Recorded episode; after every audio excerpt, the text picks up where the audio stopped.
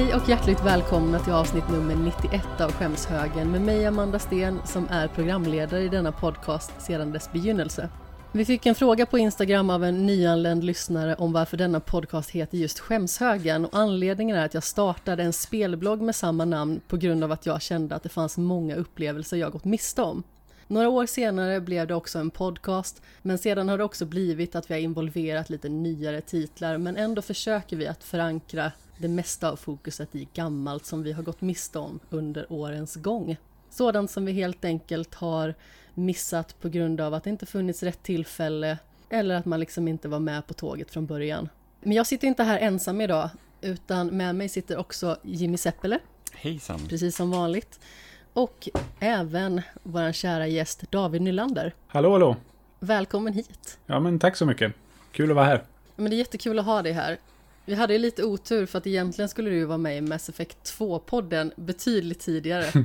Problemet är ju att eh, just Kapten Stens rymdäventyr har tagit eh, orimligt lång tid. Men nu är du här i alla fall. Yes. Jag, har, jag, har, jag var tvungen att sitta på händerna för att inte bara ja, men gå upp i limningen. Jag varit så taggad på att prata Mass Effect och så bara, det, är det, hur går det, hur går det med den där genomspelningen? Är det, är det, um, hur går det med rymdäventyr? Är det färdigt snart? Försökt fråga lite försynt sådär och, utan, att, utan att tjata. Ja, ja, men precis. Jag förstår det fullt ut. Alltså, det har ju varit lite dåligt av mig för att jag har ju verkligen velat skriva. Men sen så har det ju varit så också att jag är inte klar helt med Mass Effect 3. Och det känns som att ju längre ifrån Mass Effect 3 jag kommit, desto bökigare har det också liksom blivit att pusha mig framåt i rymdäventyret. Så det har ju varit nästan ett år sedan jag började spela Mass Effect 3. Och sedan kände jag att jag behövde ta en paus. Men snart hoppas jag att jag kommer igång igen i alla fall. Men kan inte du berätta lite om dig själv David?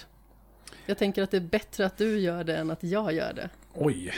Eh, ja. Eh, ja, men jag får väl börja där man brukar börja. Eh, jag kommer från och eh, bor i Örebro.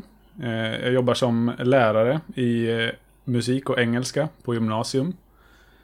Eh, jag bor tillsammans med min fru och eh, våra två barn. Och spenderade mesta av min vakna tid med att eh, svara på samma fråga om och om igen. Eh, när min dotter gärna vill veta om vi inte ska hitta på något roligt snart, om vi inte ska gå ut och göra någonting. Försöka hålla, hålla, hålla humöret i schack och inte, inte bli frustrerad. Och sen på kvällarna försöka plöja så mycket nördighet som möjligt. I allt vad... Hålla humöret uppe i det också kanske? Ja, precis. Det är ju då man får samla energi inför eh, nästa dag. När cykeln upprepas. Nej, men precis. Men du spelar inga jättefrustrerande spel då, tänker jag? spela sådana spel som gör dig lite mer glad? Ja, eh, jag har ju inte alls, jag, jag, har inte ens bemödat mig med att eh, testa på till exempel From Software-spelen, för jag vet att det där kommer inte gifta sig väl med min eh, livssituation som den är nu. Och jag tror kanske inte heller att, min, att det är riktigt min typ av spel ändå. Ja, vi är på samma plan där. Mm. Alltså, grejen är att många har sagt att jag borde testa det för att jag gillar ju vissa svåra spel. Men just det där känner jag att eh, det kommer bara bli att jag om och om igen går in i en gränd och dör. Precis som jag gjorde i Bloodborne den gången jag testade det. Ja, ah, okej. Okay. Ja, jag har, jag bara... Eh, eh, min, min kära vän Otto som du ju har språkats lite med. Han, han älskar ju de spelen och han har ju tjatat på mig i... Ja, jag vet inte hur länge. Att jag ska testa det och försöker ju liksom lura in mig i något av de spelen. Men jag, jag känner att jag får, jag får sätta ner foten. Det kommer inte att göra någon till en lyckligare människa. Ja, jag tänkte att ni kanske hade någon liten plan på att uh, prata om det i Nytt Spel Plus kanske, din podcast. Det har han planer på. Jag tänker nog inte... Ja, jag tänker nog inte blidka honom än i alla fall. Vi får ju se. När barnen blir lite större så kanske du känner att du är i behov av lite mer frustration. Precis. När tonåringarna... Man kan på barnen istället. Då får barnen spela från spelen. Ha någon att prata med. Nu sitter du här tills du har spöat den här bossen. kolla bredvid. Ja. Det blir ingen mat Nej, om du inte klarar den här bossen. exakt. Du får börja dejta när du har klarat av det här spelet. Lite sådana sådana milstolpar man får sätta upp. Jag kan ändå tycka att det känns rimligt. Ja, Datingvärlden är ju bökig som det är. Har man liksom tagit sig igenom ett From Software-spel, då är man nog redo. precis. Vi tar Dark Souls 3 först, sen får du ta Tinder. Ja, alltså, Tinder är inget roligt alltså. Nej, jag har förstått det. Jag har haft ynnesten att aldrig behöva förlita mig på det. Eller ens testa det. Så jag... Men jag har, förstått, jag har förstått på eh, många av mina vänner att det inte är någon, någon kul plats att vara på. Jag testade det en sommar för ett gäng år sedan. Och det var väldigt roligt för att vi var och firade midsommar i Borås. Och eh, då påminde min kära vän Tobbe Fix mig om hur eh, otroligt brutal jag var när jag power-tindrade och varvade Tinder på typ 10 minuter. Och så satt jag tydligen och sa nej, nej, nej, nej, nej. Det är som en... Eh, vad heter sådana spel? Eh, ja, som en clicker bara. Man säger cookie clicker typ. Man ska bara trycka på, trycka på skärmen precis. som ett Ja, tidsfördriv. men precis. Ja, problemet var ju att jag hittade ju inga kakor, jag Nej. hittade bara skräp. Tyckte jag själv då. Nej, som sagt, eh, jag är väldigt glad att eh, jag hade liksom en så kort tid med eh, Tinder, för att det var ingen rolig plats att vara på. Tycker inte jag i alla fall. Nej. Jag litar på dig. Framförallt tyckte jag att man kände sig så himla ytlig själv. Precis som jag sa Mm. innan, att man bara sitter och liksom nekar massa människor som ändå kanske är mer seriösa, men man liksom bara känner att äh, här är inget för mig, inget för mig, inte du heller. Och man vet ju inte. Så man känner sig lite dryg, som Mm. sagt, när man bara sitter där och nej, nej, nej, nej, nej, absolut inte, hej då. Alla med en stor fisk går bort. Ja, Det var exakt. gymbild, nej tack. Så här, man med fisk, man med get, man med gitarr. Oj, get. De Ändå, vanligaste. det, det är ju lite eh, så här, mystiskt och o, eh, vad säger man? oförutsägbart. Lite spännande. Den mystiska getmannen. Ja. Men det där med fisk är så himla märkligt. Ja, Alltså det är typ, alltså den kvinnliga motsvarigheten måste ju vara det här vinglaset. På en solnedgång. Ja, det är mycket möjligt. Ja. Stå med vinglaset. Ja, Du har ju också testat Tinder en gång i tiden. Ja, inte ett fan. Nej, fast det ut, det. utbudet är väl ändå... eh, Det, det är inte lika hopplöst när man, är, när man sitter som man och använder det. Nej, med tanke på att du inte bombarderas med requests. Nej, nej det också. Som kvinnor gör. Men det är liksom, där märker man hur dåliga folk är på att konversera. Det Ja. är liksom så här att det var många gånger man fick liksom själv bära hela samtalet, sen var det bara, nej men det är ingen idé. Alltså det här, det finns ju liksom ingenting här, det är totalt ointressant och sen så får man något meddelande så är de arga för att man inte skriver och man bara, men jag pratar ju med en vägg. Det är liksom, lär dig att prata, sen så kan vi liksom fortsätta. det är därför du föll för mig, för jag slutar inte prata. Nej, nej men precis, jag bara, åh gud vad skönt, jag kan vara tyst lite då och då. så att det, nej, usch. Säger jag bara. Ja, ja, men precis. Eh, jag tänkte bara påpeka också, jag svarar på en liten fråga här i inledningen angående just det här med eh, skämshögandet och liksom vad skämshögen innebär då. Vi har också en annan fråga, men jag tänkte jag skulle spara den till nästa avsnitt eller nästa ordinarie avsnitt. Anledningen till att säga ordinarie avsnitt, det är också att vi har en liten specialare på gång Precis när jag och Jimmy började podda som mest så gjorde vi det i en följetong som hette Shame of Thrones. Och den kommer att eh, återvända nu i augusti. Först och främst så kommer vi göra en sammanfattning av alla säsongerna plus böckerna. För att vi ser igenom allting igen inför den här eh, lilla avstickaren som eh, hette så mycket som House of the Dragon, eller hur? Ja. Mycket känslor. Upp och ner. Plöja igenom där kan jag tänka mig. Ja, men precis. Eh, Framförallt så tycker jag det är så fascinerande för man för varje gång man ser de här avsnitten så ser man liksom så här fler trådar som knyts samman och det är många grejer som blir så mer och mer logiska. Mm. Jag känner mer så här, oj oj vad mycket de sätter upp här som de inte gör någonting med. Ja. Jo men det är också sant naturligtvis. Det är jättemycket man bara, ah, det här är ju skitintressanta grejer, som man bara, det där leder inte till någonting. Det blir en trollning mest. Ja, Ja men vi är ju på avslutningen av säsong 6 nu. Och där känner man ju verkligen att det finns så mycket som de har jobbat för. Som de eh, bara bokstavligen spränger i bitar faktiskt. Är Så det, det är. Sandsnakes-säsongen eller är det... nej det är ja, säsongen efter, det är samma säsong som de spränger kyrkan i slutet. Aha, Och Battle of the Bastards och lite sånt. okej. Här kommer Jimmy och spoilar. Ja men, Varnar i efterhand. ja men säsong 6 från 2016. Ja, jag vet. Men vad har du för relation till eh, Game of Thrones, David? Eh, ja, eh, alltså... Oj, det var en svår fråga. Nej, men eh, alltså, jag... Eh, jag... Ett närmast religiös... Eh, religiöst förhållande till den serien. För jag...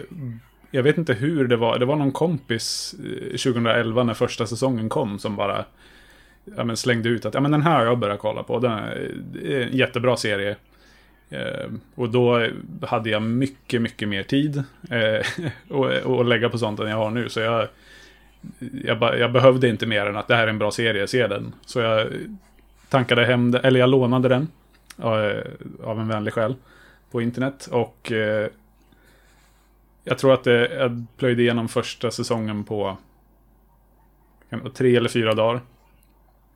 Eh, och ja, var lite, var lite smått...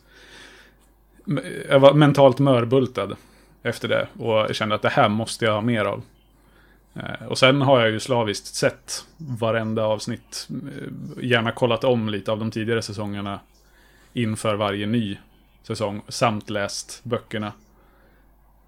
Eh, om än bara en gång. Eh, alla, alla de fem som finns ute nu. Nu sviker mig minnet. Men Ja men det stämmer. Ja. det, ja, det är den här sjätte vi aldrig får. Och aldrig kommer få. Ja, men precis, och sen dessutom ska det komma en sjunde efter det. Snark. Jag har, Jag kan ju garantera att George R. R. Martin kommer göra en Robert Jordan och bara trilla av pinn innan han får ut den där Ja. sjätte boken.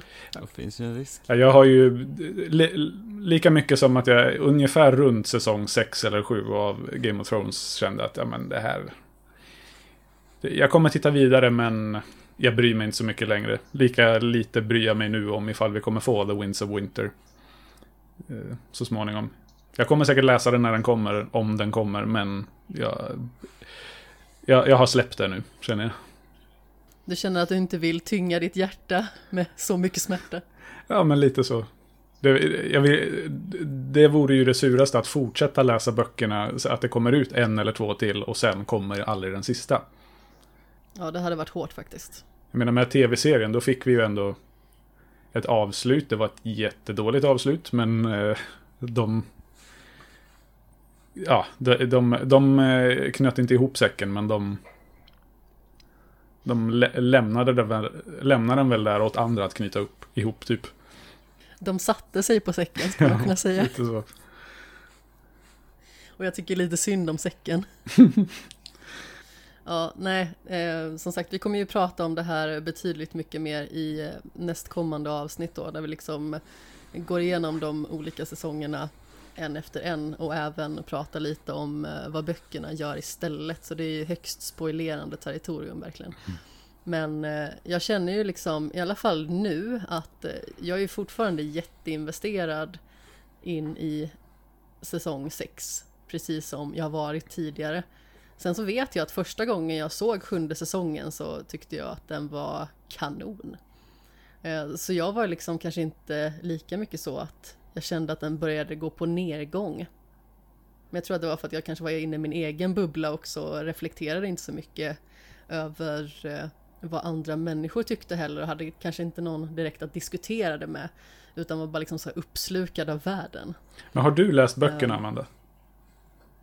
Jag är i slutet av den andra boken. Okej. Så förhoppningsvis så ska jag bli klar med alla böcker till att vi ska ha det här avsnittet. Mm. Men eh, jag lyssnar ju på böckerna. Vilket Ja. betyder att jag kan göra andra saker samtidigt. Typ spela lite enklare spel där det liksom det. inte finns någon fördjupande dialog och sådär. Mm. Väldigt bra spelat. Eh, eh, spela till det är ju Fall Guys till exempel. Där man liksom bara söker sig upp mot nya nivåer eller dylikt. Inte så mycket handling att hänga med i. Nej men exakt. Ja, men det var Ja. lite det jag tänkte. För jag tror att det var runt säsong fyra kanske som jag hade läst i kapp. Eh, och att jag då kände där runt säsong sex strecket att ja, men det här är ju inte alls så som... Alltså, jag, jag märkte hur mycket de avvek från böckerna i serien och då kände jag väl att... eh, Ja, jag inte riktigt gillade åt vilket håll de tog det hela. Och att det kanske Jag var kan det som tänka mig att det blir en sån stor skillnad där. Så att man verkligen känner att wow, vad ska det här ta vägen egentligen Mm. när ni börjar ta sådana jätteavstickare? Precis. För det måste ju du märka också, även fast du inte eh, är i kapp att bara de första säsongerna gentemot de två första böckerna eh, avviker ganska mycket från varandra. Alltså första säsongen och första boken är ju väldigt lika Mm. Det var ju liksom verkligen på repliken som jag kände att ja, men det här har jag ju sett nyss. Mm. När jag liksom lyssnade på boken. Men sen så märkte man ju att redan i andra boken så började det komma lite grejer som är ganska så annorlunda. Och jag vet ju att det bara kommer bli mer och mer annorlunda. Mm. Och jag är väldigt nyfiken på att se mer sådana här grejer som eh, skiljer sig. Um, I och med att jag såg serien först så tror jag att det kommer förmodligen inte få mig att gilla serien mindre. Men man blir också nyfiken på varför de gjorde de valen som de gjorde. Mm.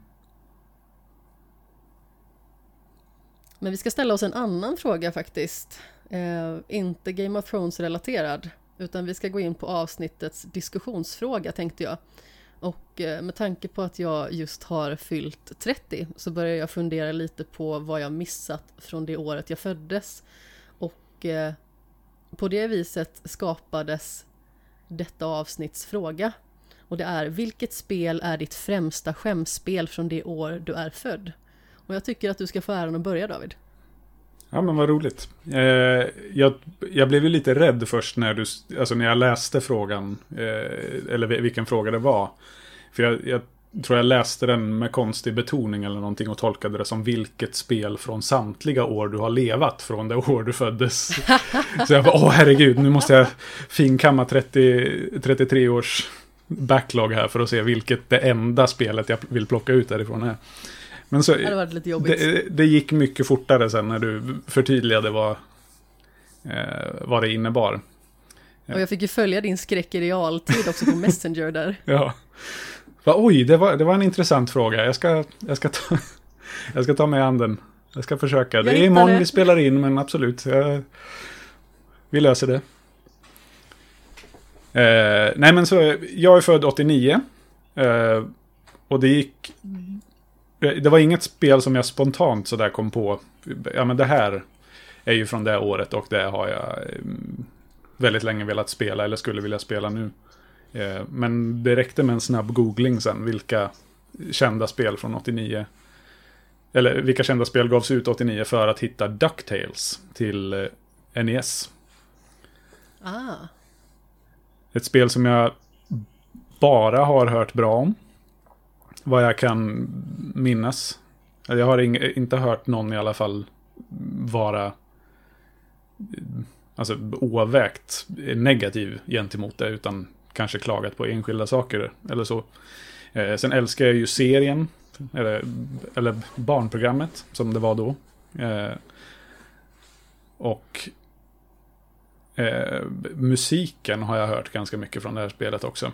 Eh, jag har till och med spelat eh, den, kanske mest kända låten Moon Theme tillsammans med en tv-spelsensemble eh, när jag pluggade på Musikhögskolan. Så den, den har jag lyssnat på väldigt mycket och kan väldigt bra. Men i övrigt har jag noll koll på spelet egentligen. Mer än att man spelar som farbror Joakim eller Scrooge. Så det är jag väldigt använder nyfiken på att ta käppen för att hoppa på folks huvuden. Precis. Det kom ju en eh, remake till 360 och PS3 Mm, just det. eh, för x antal år sedan. Som var helt okej ändå. Ja, men det, jag för mig att det jag läste eller, fick, eller jag hörde om den var att...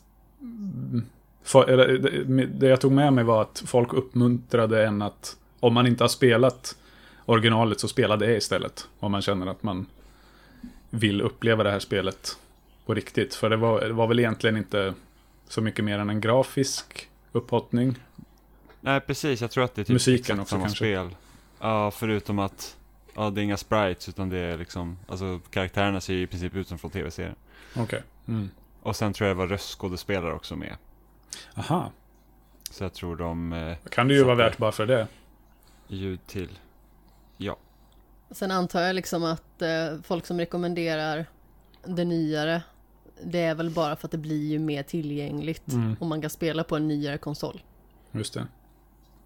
Ja, jag äger ju Ja, ingen den- NES. Så eh, på den vägen blir det ju svårt. Men det går ju säkert att lösa på något sätt.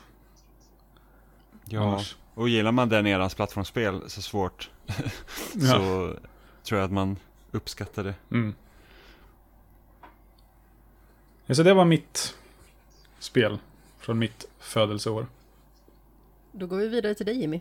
Ja, alltså det här var ju lite knepigt för mig för att jag också googlade på så här, vilka spel var det egentligen som släpptes 91 och då var det en hel drös som jag redan har spelat. Så här, Sonic 1, Street Fighter 2, A Link to the Past och jag så här, bara jäklar, hoppas inte jag måste välja något med så här bottenskrapet.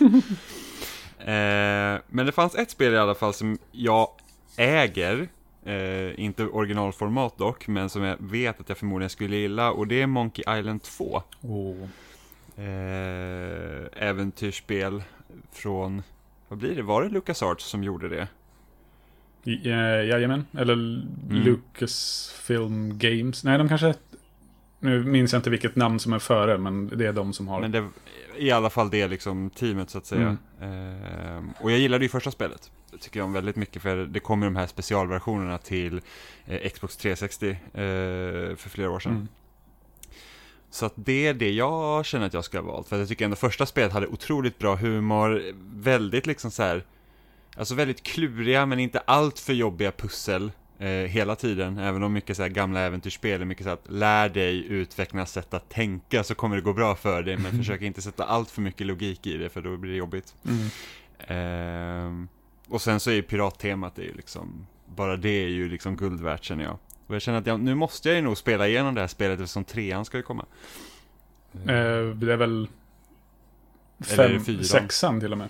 Är det så pass långt? Men eller ja, eller det, är, det beror ju på om man, om man vill se det som att det som kommer nu är en uppföljare på ettan och tvåan, vilket jag tror är det som har... Ja, det är nog det som har sagts. Ja, det har ju släppts fem spel, allt som allt. Okej. Men det här kanske Men det är här mer blir, ämnat det nya att... blir, ja, blir uppföljaren till tvåan så att säga, Ja. en rak uppföljare. Precis. Eh, så att då känner jag att då måste jag ju eh, ta tag i tvåan, Mm. tycker jag. Då har du lite att jobba på Jimmy. Du får göra liksom en sån här Yakuza-streak eller Ja, nej, dylikt nej, nej, det blir inte att spela alla fem. Det blir, om, det, om det nya spelet är en uppföljare till tvåan, då är det tvåan jag ska spela. inte som mitt Yakuza-spelande när jag körde igenom typ sex spel på rad. Ja, det låter jättejobbigt. Jag trodde det skulle vara jobbigare än vad det faktiskt var, för att när jag spelade Yakuza Zero så var det verkligen så att okej, nu har jag spelat det här i typ 40 timmar, jag känner inte för ett Yakuza-spel eh, på, på, på lång tid, och det tog väl kanske 3-4 år innan jag spelade Yakuza 1. Och sen så typ så här, så att, ja men, kan man köra ett spel emellan eller någonting sånt, men så körde jag typ alla i raden då, för att jag ville så gärna spela Yakuza Like a Dragon. För att det är ju turordningsbaserat, eller Eh, och det tyck- jag, ba, bara det att de gjorde om det från en brawler till liksom ett, ett så att säga rollspel med eh, sådana strider så att jag måste spela det, men nu måste jag spela alla innan. Och nu har jag spelat alla Yakuza-spel utom Like a Dragon. Det har jag Det spelat. ska vi Det spela kan- parallellt. Det, det kan jag, jag, tycker, jag har inte spelat något av de andra Yakuza-spelarna. Jag tycker att det var jättetråkigt. Men eh, det, gillar man Yakuza-spelen så kan jag ju tänka mig att man gillar det också. Ja, ja men det tror jag, jag tror ju inte att jag liksom Jag tror inte att jag kommer ogilla Like a Dragon, för att jag gillar verkligen Yakuza-spelen. Mm. Alltså de är helt bizarra, liksom typ såpopera, maffiadraman liksom. Ja, men det var väl kanske det som inte riktigt...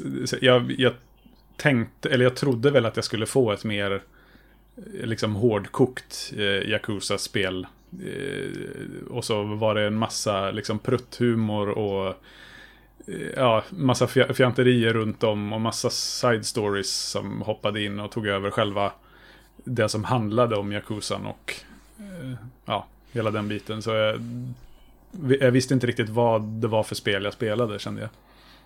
Jag vet i alla fall att i de tidigare Yakuza-spelen så du behöver inte göra så mycket sidogrejer. Utan Mm. att då kan du bara gå rakt på storyn och då får du liksom mer av det som det låter som att du vill ha. Mm.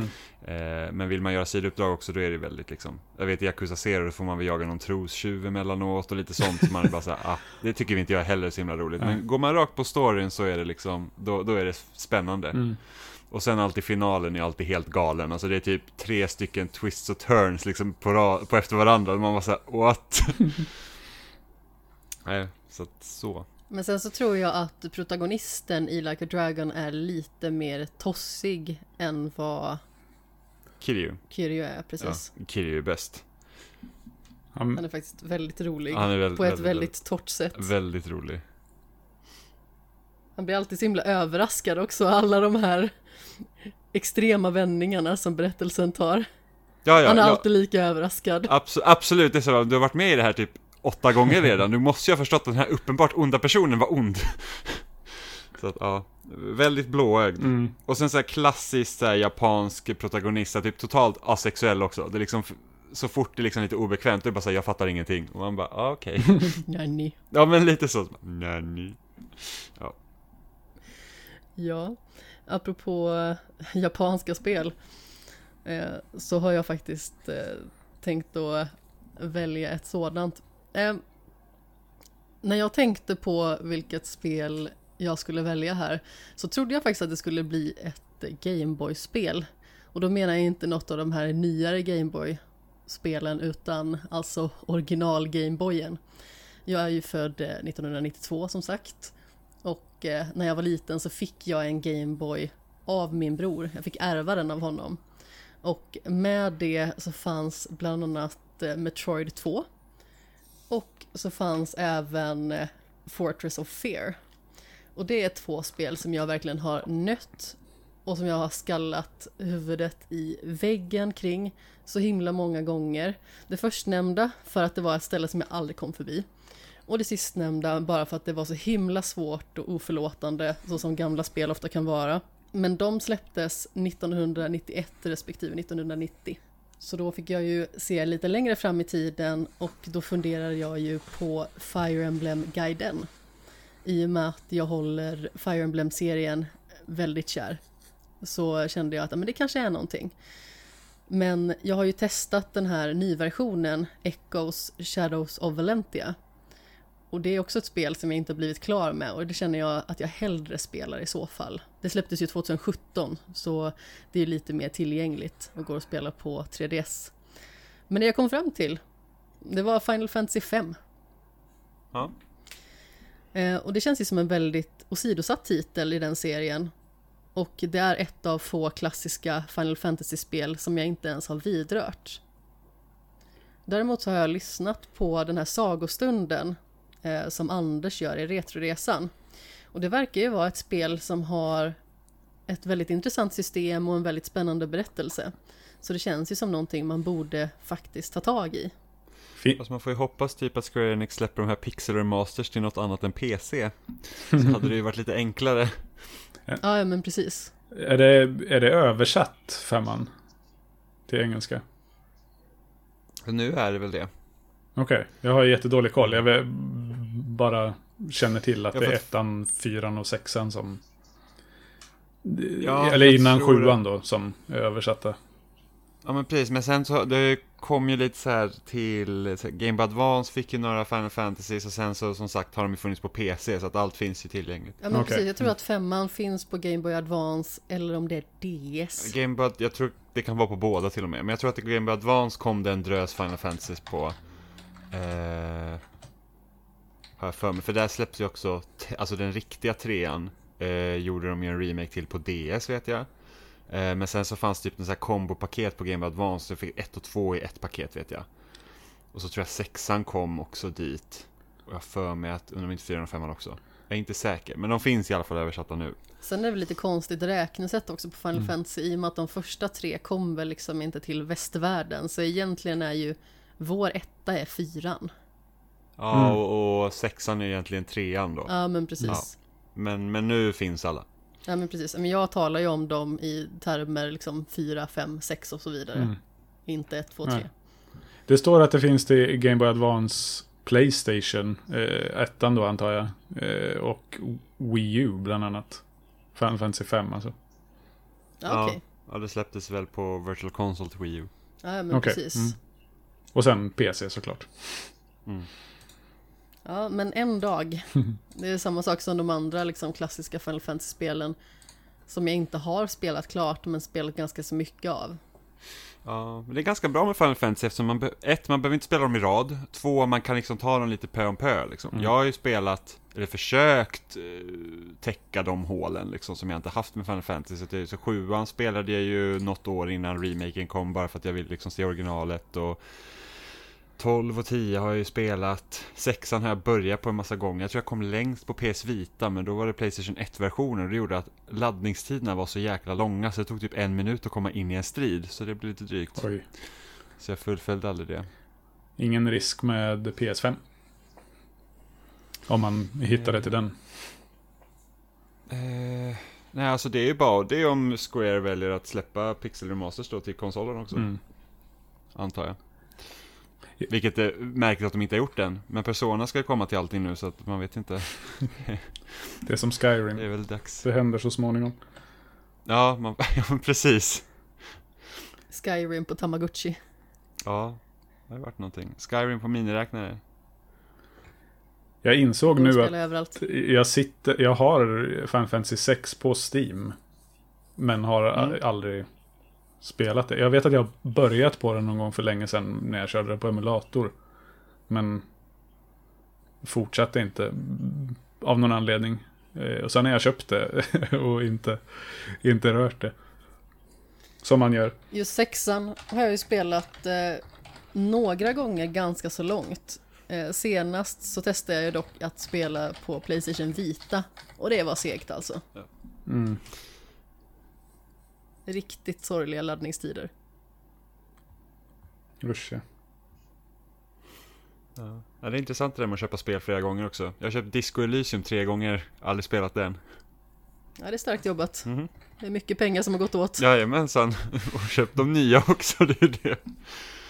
Köpte till PC, alla sa att det var bra, jag var yes, det här ska jag spela, blev inte av, kom till Playstation, ja men det här ska vi köpa. Och vi skulle spela det. Och sen så blev det så att shit, vi måste spela Master Ratchet Clank nu innan nya spelet kommer. Så det blev åsidosatt. Och sen kom det till Xbox, jag bara, ja men jag föredrar att spela på Xbox egentligen så att då köper jag det dit också. Och nu är det där i min samling gånger tre.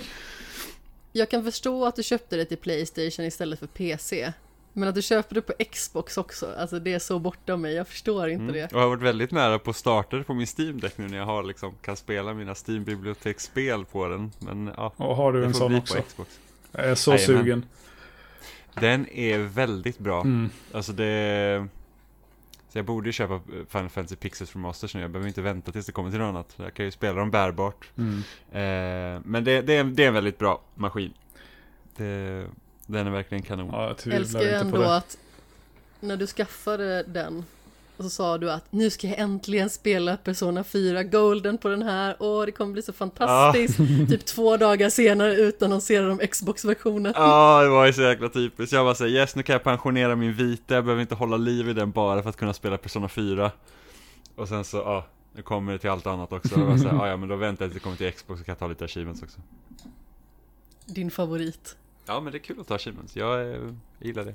Det är kul att ta troféer tycker jag ju. Det tycker jag också. Det är väldigt trivsamt det här lilla plinget och framförallt liksom när man lyckas ta en Platinum. Då känns Mm. det liksom som att man står där uppe på toppen och håller den över huvudet som typ Link. Bara att ingen finns där och kan titta på, eller beskåda att man gör det. Åtminstone inte för mig. Jag bara sitter där och bara, jaha. Där kom den. Det är då man tar skärmdumpar och lägger ut i en chatt. Ja, bara. Kolla så bra jag är, tyck om mig och älskar mig.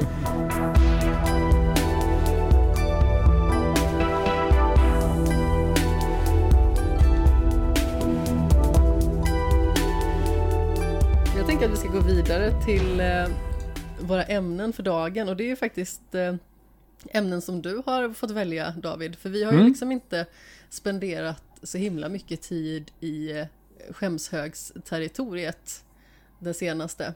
Utan vi har ju spenderat väldigt mycket tid med framförallt Game of Thrones, precis som jag nämnde tidigare. Så pass till den grad att vi inte får se Better Call Saul. Nu tycker jag att du är lite känslig Jimmy. Det var så här, vi har ett avsnitt att se nu och då var så här, nej jag vill se klart den här säsongen först. Och man var så här, jaha, måste man sitta här och vänta och våndas? Fast jag håller faktiskt inte med om att nej det är jag vet så att jobbigt. inte håller med. Vi hinner ju se det nya avsnittet innan nästa avsnitt släpps. Oklart. Nej, Jag det är trodde inte att vi skulle hinna se oklart. det igår redan. Så börjar Jimmy också mucka om att Ja men tänk om jag skulle förneka dig att se på På spåret Ja, det, Det blir, inte det, det kommer bli en väldigt jobbig höst här när det blir så här, nej men vi ska se klart den här säsongen först när vi kan se På spåret. Jag ska hålla varenda På spåret avsnitt i gisslan. Ja, Vi är säsong två av Gilmore Girls innan vi ser på På spåret. men det är inte samma sak Som Ja, man- samma sak. Som man gör i en kärleksfull relation. Man håller varandras eh, tv-serie gisslan Ja. mot den gemensamma. mm. Ja det här är så orimligt va Men jag tänkte att du ska få prata om en annan tv-serie och det är ju Dark Yes. Eh, en serie som jag faktiskt har sett tillsammans med min fru. Eh, nu. Eh, men som jag börjar... Det är väl kanske... Det, jag ska säga att de här sakerna vi kommer att prata om nu, de kan, det är lite flytande om de kan betraktas som skäms, eh, skämshögsgrejer eller inte. Eh, men den, just den här serien är i alla fall det på så sätt att jag inte såg färdigt den direkt när den avslutades, utan det har gått en tid. Eh, sen, Då sen är det definitivt skämshög Ja. Jag tänkte så också. Eh, för den här började jag kolla på i samband med att första säsongen kom ut 2017. Eh, och jag minns inte hur... Det kan ha varit i nördigt de pratade om den och jag kände att ja, men det, här kan vara, det här kan vara spännande att se. Och så var jag hemma själv eh, en kväll och började kolla på den och fastnade direkt och plöjde hela på knappt en vecka. Eh, och sen blev det inte att jag plockade upp den igen förrän förra året. Eh, när eh, alla tre säsonger som det nu har blivit och hela serien eh, är, är avslutad. Eller var avslutad då. Eh, och då tittade jag och min fru tillsammans och vi såg dem från början igen. Eh, både för hennes skull eh, men också för att jag omöjligt kunde minnas allt som hände i första säsongen. Lite taskigt att sätta henne och börja på säsong två då. Ja, I så fall. Lite det också. Men jag hade, eh, även om hon hade sett den själv. Eh, vi, alltså, att hon hade kollat i kapp och att vi sen skulle börja direkt på säsong två. Då hade jag inte haft en aning om vad som hände. Så det var lika bra att vi kollade tillsammans från början. Eh, ska jag dra lite... Ja, det är ju det är klart jag ska dra lite vad den handlar om. Annars så... det är inte så, Ja tack det är svårt att sälja in den annars. Eh, nej men den, eh, Dark, så den heter också Dark på tyska ska jag säga. Den är en tysk serie. Eh, och av någon outgrundlig anledning heter den Dark även på tyska. Eh, utspelar sig 2019 i den påhittade tyska småstaden Vinden. Och där får vi följa med tonårige Jonas Kahnwald. Eh, vars pappa när serien börjar har tagit sitt liv för ett par månader sedan. Eh, och Jonas har nu precis återvänt till skolan efter att ha spenderat en tid med eh, psykiatrisk rehabilitering. Eh, så han ja, har en, en ganska trög tillbakagång till skolan och att hitta tillbaka till att umgås med sina kompisar igen som vanligt, eller försöka åtminstone. Men just vid det här i samma veva som det här händer så har invånarna i staden börjat bli ganska oroliga. Eh, till följd av att en pojke i Jonas ålder eh, vid namn Erik har försvunnit spårlöst. Eh, och eh, av, eh, av anledningar så beger sig Jonas tillsammans med sina vänner eh, Bartosz, Marta och Magnus eh, ut i skogen. Och med sig har de också de två sistnämndas yngre bror Mikkel. Eh, för de misstänker att Erik, den försvunna pojken, har haft eh, någon slags droggömma i en grotta som finns i skogen i utkanten av stan. Ehm, och när de kommer dit så eh, hittar de det här. Sen hör de en massa otäcka ljud som skrämmer dem vid den här grottan. De blir rädda och flyr och kommer ifrån varandra på vägen. Eh, när de lyckas hitta tillbaka till varandra igen så är Mikkel borta, den yngsta pojken. Eh, och dagen därpå när polisen och invånarna har börjat leta efter honom så hittar de istället en annan ung pojkes kropp. Eh, och det här är ungefär vad som händer i första avsnittet. Nu, för att jag ska kunna berätta vidare så kommer jag behöva spoila lite generella drag eh, i vad som händer i de typ tre, fyra första avsnitten. Men jag hoppas att det inte är någonting som kommer förstöra upplevelsen. Men om man vill... En, en liten heads-up bara, att om man vill gå in helt eh, med blankt papper då kanske man ska hoppa fram lite grann. I, Jag i godkänner detta. Ja, perfekt. Eh, men eh, hur som helst, det visar sig väldigt snart att den här grottan är ett slags maskhål. Eh, I praktiken en tidsportal. Och att Mikkel har hamnat i år 1986, 33 år tidigare. Och det här råkar vara precis samma år som hans pappas yngre bror eh, försvunnit på liknande vis som Erik gjort i nutid. Eh, och nu försöker Mikkel ta sig hem, samtidigt som hans familj letar efter honom i nutiden. Eh, och hans pappa då, som heter Ulrik, är polis och hittar i genomsökningen av den här grottan en koppling till stadens kärnkraftverk. Och detta ägs och drivs av Bartosz, pappa, en av de andra vännerna till Jonas. Eh, och det som följer sen är en salig blandning och rent ut sagt en röra av tidsresande och alternativa tidslinjer. Eh, men i huvudsak får vi följa fyra olika familjer. Det är Kahnwald, Jonas familj, eh, Nilsen, som är Mickels familj, eh, familjen Tideman, som är Bartors familj, och så är ytterligare en familj som heter Doppler. Det kretsar kring de här fyra familjerna. Och så småningom blandas även åren 1953 och 1921 in i smeten. Eh, och detsamma gör en obehaglig präst som dyker upp i de här olika tidsepokerna utan att till synes åldras. Så det är lite... Om man, om man ska... Det är svårt att sammanfatta den här serien just för att det handlar mycket om eh, tidsresande. Och allt vad det innebär. Ja, alltså jag själv vet inte om jag kanske såg den vid fel tillfälle. För jag tror att jag såg kanske två, tre avsnitt. Mm. Men det här var liksom under en tid också när jag gärna såg serier när jag skulle gå och lägga mig. Och eh, det gjorde ju att det blev mycket förvirrande. Mhm. Plus att som sagt, den är ju på tyska. Ja, Så det var liksom inte jättelätt att hänga med. Så jag kan Nej. ju väldigt rudimentär tyska. studerade tyska i högstadiet. Så det är liksom inte precis som att man kan så jättemycket. Mm. Eh, man kan ju utröna så här, vissa meningar och ord om man läser det. Men eh, man hänger ju liksom inte med lika bra som på engelska. Och att det dessutom är en serie som liksom är så eh, förvirrande redan inledningsvis. Mm. Eh, Det gör det ju inte lättare.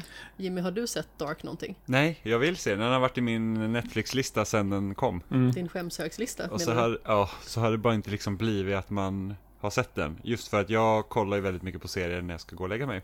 Och somnar till dem och då är det svårt liksom att ligga och lyssna om det är tyska. För jag kan absolut ingen tyska. Nej, det, alltså det är Eh. skitsvårt och eh, alltså det testar verkligen ens uppmärksamhet på ett sätt som ja, när man är så van eh, nu för tiden med att ha telefonen i ena handen eller kanske sitta med jag sitter med switchen ibland och spelar medan jag tittar på någonting eller ja, man, man gör annat under tiden. Det går inte när man ser den här serien om man inte är jätte, jättebra på tyska och kan lyssna med ett halvt öra eh, samtidigt medan det man tittar.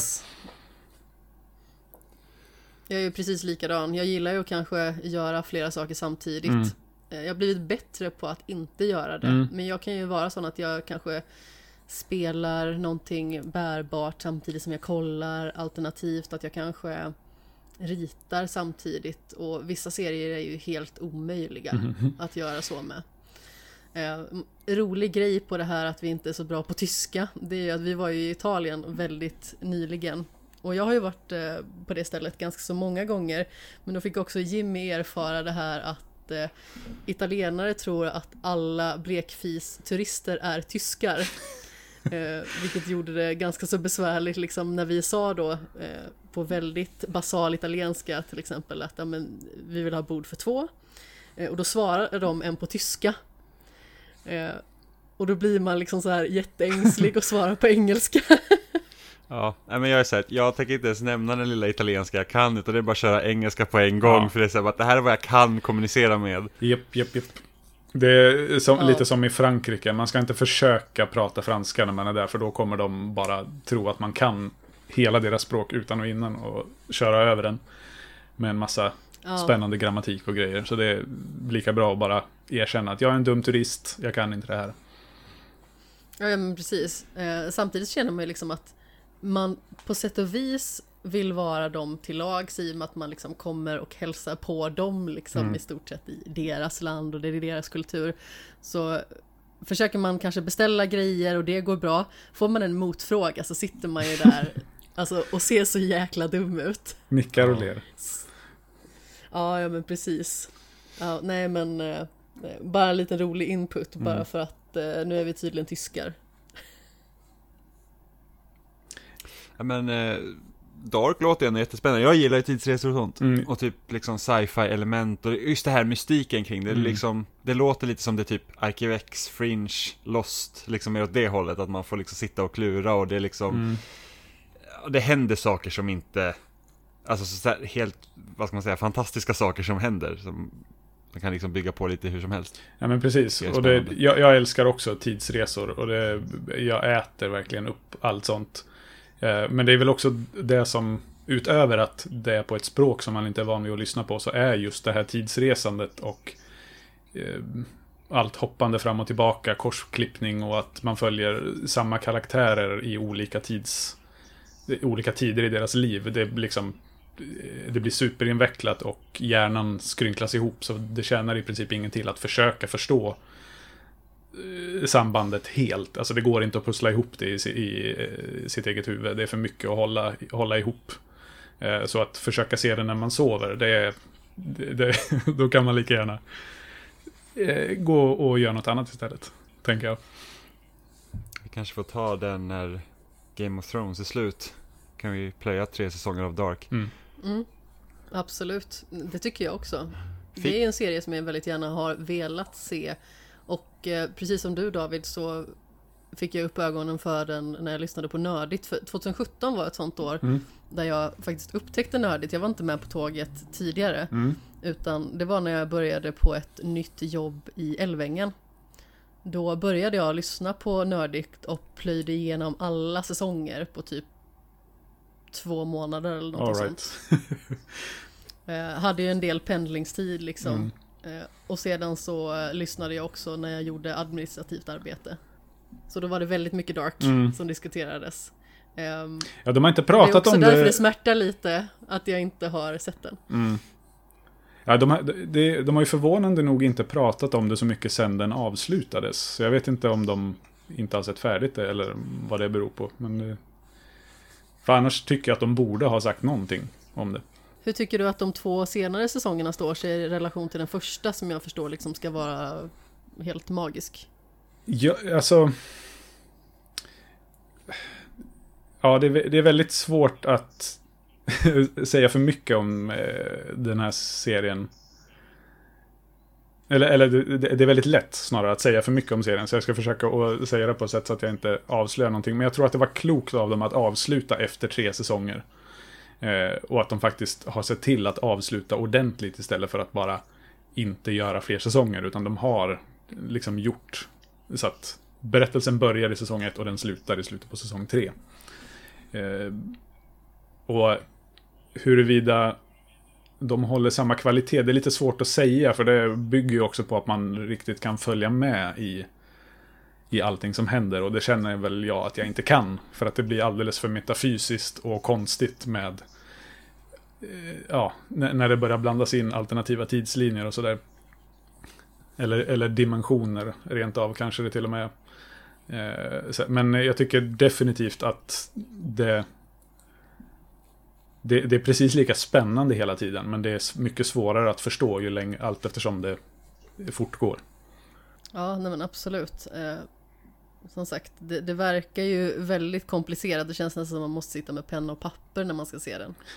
Eh, nästan. Det, fin det finns gott om eh, Dark Explained på, eh, på YouTube. Som man kan kolla på också. Eh, och det är väl rent av nödvändigt för vissa grejer. Om man, om man vill försöka sig på att förstå det. Sen kan man ju bara ryckas med som jag har gjort och bara acceptera att jag kommer inte förstå allting. Jag, jag bara åker med. Ja, men exakt. Sen måste jag bara få peta in en grej till också som jag tycker gör serien mycket, mycket mer... Det känns som att det höjer produktionsvärdet jättemycket. Just att det är briljant casting i, serien vad gäller skådespelarnas utseende. Eh, för karaktärerna ser verkligen ut som unga och gamla versioner av sig själva. Alltså när man... När de hoppar tillbaka till exempel till 1986 och man får se hur de vuxna karaktärerna såg ut när de var barn och även när tidigare årtal blandas in. Att man, så här, man får följa hur karaktärer åldras eller hur de såg ut när de var yngre. Och det, jag vet inte, har ni sett eh, Sex Education?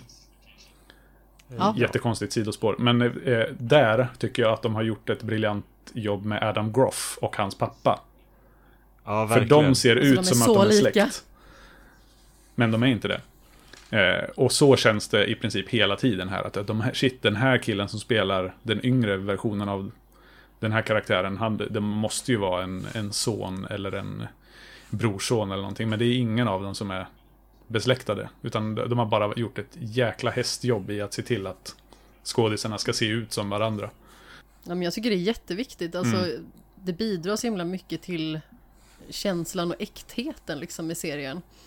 Eh, samma där i Sex Education, alltså jag kan inte tro något annat än att Adam Groff och eh, pappa Groff liksom är släkt mm. i verkligheten. Ja, precis. Nu är de ju liksom inte det, men eh, alltså det är verkligen så vansinnigt likt. Mm. Alltså man ser ju det direkt. Och eh, när man googlar på det så finns det till, liksom, det finns där, är, eh, nu vet jag inte vad skådisarna heter, men är Adam Groff och hans pappa släkt i verkligheten. Och så finns det, när det dyker upp som förslag i Google, så men är de verkligen inte släkt med varandra? Att folk liksom har, de har inte accepterat att så är fallet, utan att säga, ja men de måste vara släkt på något vis. Ja, det är svårt att gå med på att det inte är sant. Exakt. Liksom. Ja, men någonting som är lite mindre komplicerat i alla fall. Eh, det är ju spelet Short Hike. Där man spelar mm. som en liten pippifågel. Och det har ju du också tagit dig an ganska så nyligen. Jajamän, och det här kvalar väl precis in på skämshögspel. Det här är ju tre år gammalt eh, nu, det släppte 2019. Eh, så det är väl lite magstarkt att kalla det skämshögspel, men jag har ju haft ögonen på det sedan dess. Eh, jag fick nys om det från min eh, gamla vapendragare i eh, Nytt Spel Plus, Johan Solinger, eh, när han skrev om det på Player One. Eh, Eh, så sk han skrev en liten essä om det och sen dök det även upp, tror jag, i Svamprikets En sittning i sänder. En eh, podd om korta spel som de har. Eh, och det, allt jag hörde om det spelet fick mig att ja, direkt eh, lägga det på önskelistan. Och det har ju kostat, eh, vad kan det vara, typ 70 kronor på Switch eh, sen dess. Men jag har varit för snål för att inte invänta en rea. Så jag tror att jag köpte det för 30 kronor så småningom. När det släpptes. och det är egentligen eh, en skymf mot vad det är att betala så lite för det här spelet. för det är också utvecklat av en enda person. Som jag har förstått det.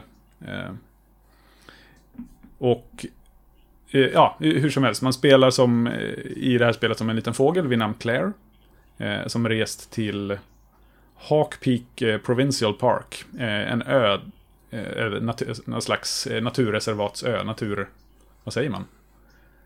Jo men precis. Naturreservat. och där jobbar hennes moster May. och hon arbetar som parkvakt där. och när man kommer dit så berättar May för Claire att det enda stället med mottagning för mobiltelefoner är på Hawk Peak, alltså öns högsta ställe. Så dit bestämmer sig Claire för att ta sig, för hon väntar ett viktigt samtal.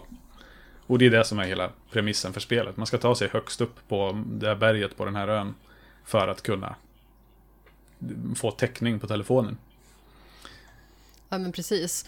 Och eh, vi ska ju inte spoila vad som händer liksom när man kommer upp till toppen. Men det är liksom själva målet. Mm. Och eh, resan dit är ju otroligt mysig och väldigt fin. Och det är liksom ett väldigt gemytligt och lättspelat spel. Mm.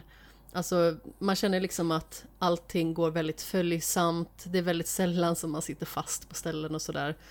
Eh, men när man kommer upp till toppen, då får man ju verkligen en stor emotionell belöning som man kanske inte riktigt har väntat sig. Mm.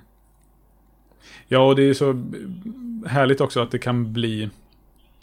För just från och med att du, du, kommer, du ser den här eh, introsekvensen och kommer till den här ön, får veta att ja, men jag ska ta mig dit. Så kan ju spelet bli så kort som, jag tror, en knapp timme.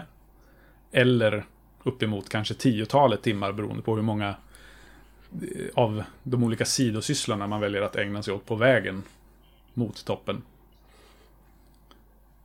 Och där kan man ju också göra det svårare eller enklare för sig själv att eh, klara spelet och ta sig dit man ska. Exakt, och det finns ju ganska mycket att samla om man vill. Mm. Eh, framförallt så finns det ju sådana här fjädrar som man samlar för att man liksom ska kunna ta sig upp till en viss avsats. Mm. Men man kan ju samla betydligt fler sådana och sedan så går det ju liksom att eh, eh, samla fler objekt eller stöta på fler karaktärer som har olika sysslor som man ska utföra och sådär. Mm. Eh, och det är liksom väldigt eh, charmiga sysslor, till exempel att man ska eh, spela någon form av volleyboll med en pinne Mm. till exempel, minns jag, jag tyckte det var jätteroligt. Ja, de har någon tror- kapplöpningsgrej. Man kan fiska. Och så, ja, och en massa olika fetch quests och grejer. Leta efter borttappade föremål. Det finns ju jättemycket att göra. Ja, det var ganska bra kontrast också till många andra spel som kom i den tiden, liksom så öppna världar med en sprängfylld karta. så har de liksom ett mer fokuserat äventyr där du egentligen inte har, förutom att ta dig till toppen så finns det egentligen ingen liksom, ingenting som säger åt dig vad du ska göra. Utan du pratar med någon karaktär och sen där och då får du bestämma dig att göra det, Mm. men det är liksom inte som att du har en stor questlog av grejer att göra. Utan det blir lite vad man själv väljer att fokusera på och upptäcker. Vilket jag tyckte om väldigt mycket. Mm. Ja men verkligen. Det här var ett spel som jag tyckte låg i eh, våran skämshög. Jag vet att du David, du tyckte liksom att tre år kanske är lite lite. Jag är ju sån i och med att eh, jag och även Jimmy är sådana personer att vi vill vara väldigt aktuella, framförallt när det gäller spel. Eh, då är det nästan som så att så fort spelet eh, typ är ett år gammalt liksom, eller att det är fjolårets spel eller serie eller film eller vad det nu kan vara. Då blir det liksom automatiskt skämshögifierat Mm. för egen del liksom. Ehm, så som sagt, vi spelade ju A Short Hike i fjol tillsammans. Och då spelade vi ju ända till toppen ihop och sen så tog du massa extra saker va Jimmy? Ja, så vi spelade till toppen ihop på Switch. Och sen kommer ju Short Hike på alla andra plattformar också. Just det, det var så spelade du på Xbox för att få achievements. och jag tog alla achievements. Jajamän. Ja, det, det var lite synd att det inte fanns på switchen. Jag, jag saknade det. Jag hade velat ha... För som du sa, det finns ju ingen questlog eller liksom någon checklista i spelet. Eh, och det, det är på gott och ont. Jag känner ju att jag gärna vill ha det just för att man kan... Ja, men då får jag en liten eh, liksom stjärna i boken när jag har... Om jag nu väljer att göra allting som spelet har att erbjuda, då får jag ett kvitto på det sen. Men det får man ju inte här. Ja.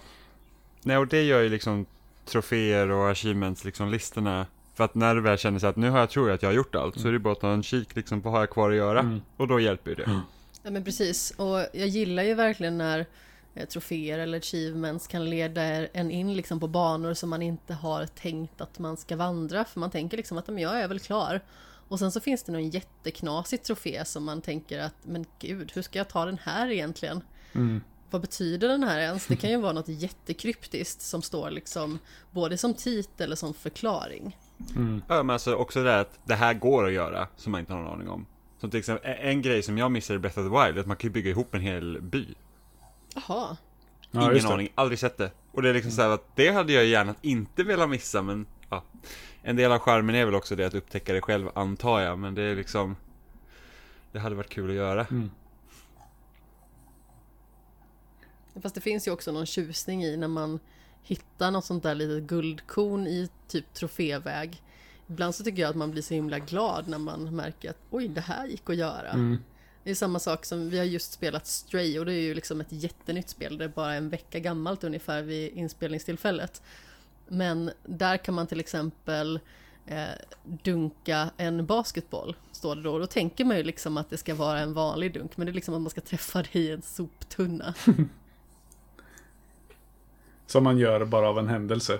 Och får den. Ja men precis. Ja men jag snubblade lite över det för att jag råkade springa in i en basketboll med katten. Eh, och sen så såg jag att det låg liksom en soptunna nedanför. Eh, så då gick jag runt och väntade på att den här bollen skulle respawna. För att jag skulle kunna testa. Eh, och sen så missade jag soptunnan. Så då fick jag liksom varje gång bollen skulle kunna ha respawnat så gick jag tillbaka dit för att testa Det var så- ifall det gick att träffa soptunnan. Det var så fult för mig för att jag såg ju också den och tänkte det där är upplagt för en trofé. Men så av någon anledning så lyckades jag få liksom bollen, den, den liksom försvann. Alltså jag försökte ju putta upp den för den här backen igen och ska putta ner den igen och sen så fastnade den mellan liksom vägen och soptunnan. Så den bara sköt rätt upp i luften och försvann. Nej. Och sen spanade den aldrig om igen. Alltså den, den bollen kom aldrig tillbaka. Så att det, det var lite såhär, jag bara, det var min chans.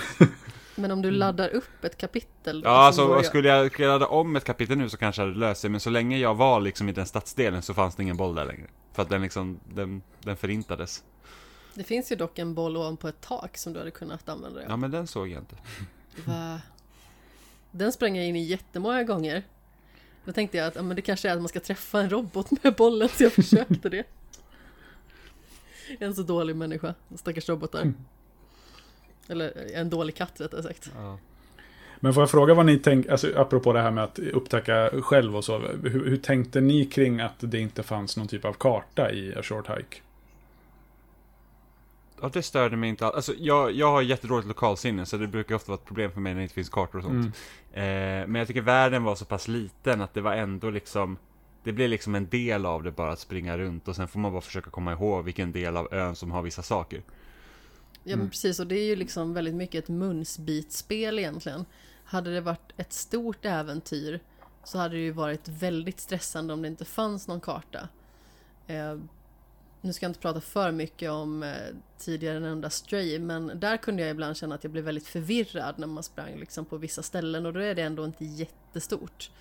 Men i A Short Hike till exempel så kände jag att allting var väldigt följsamt uppbyggt.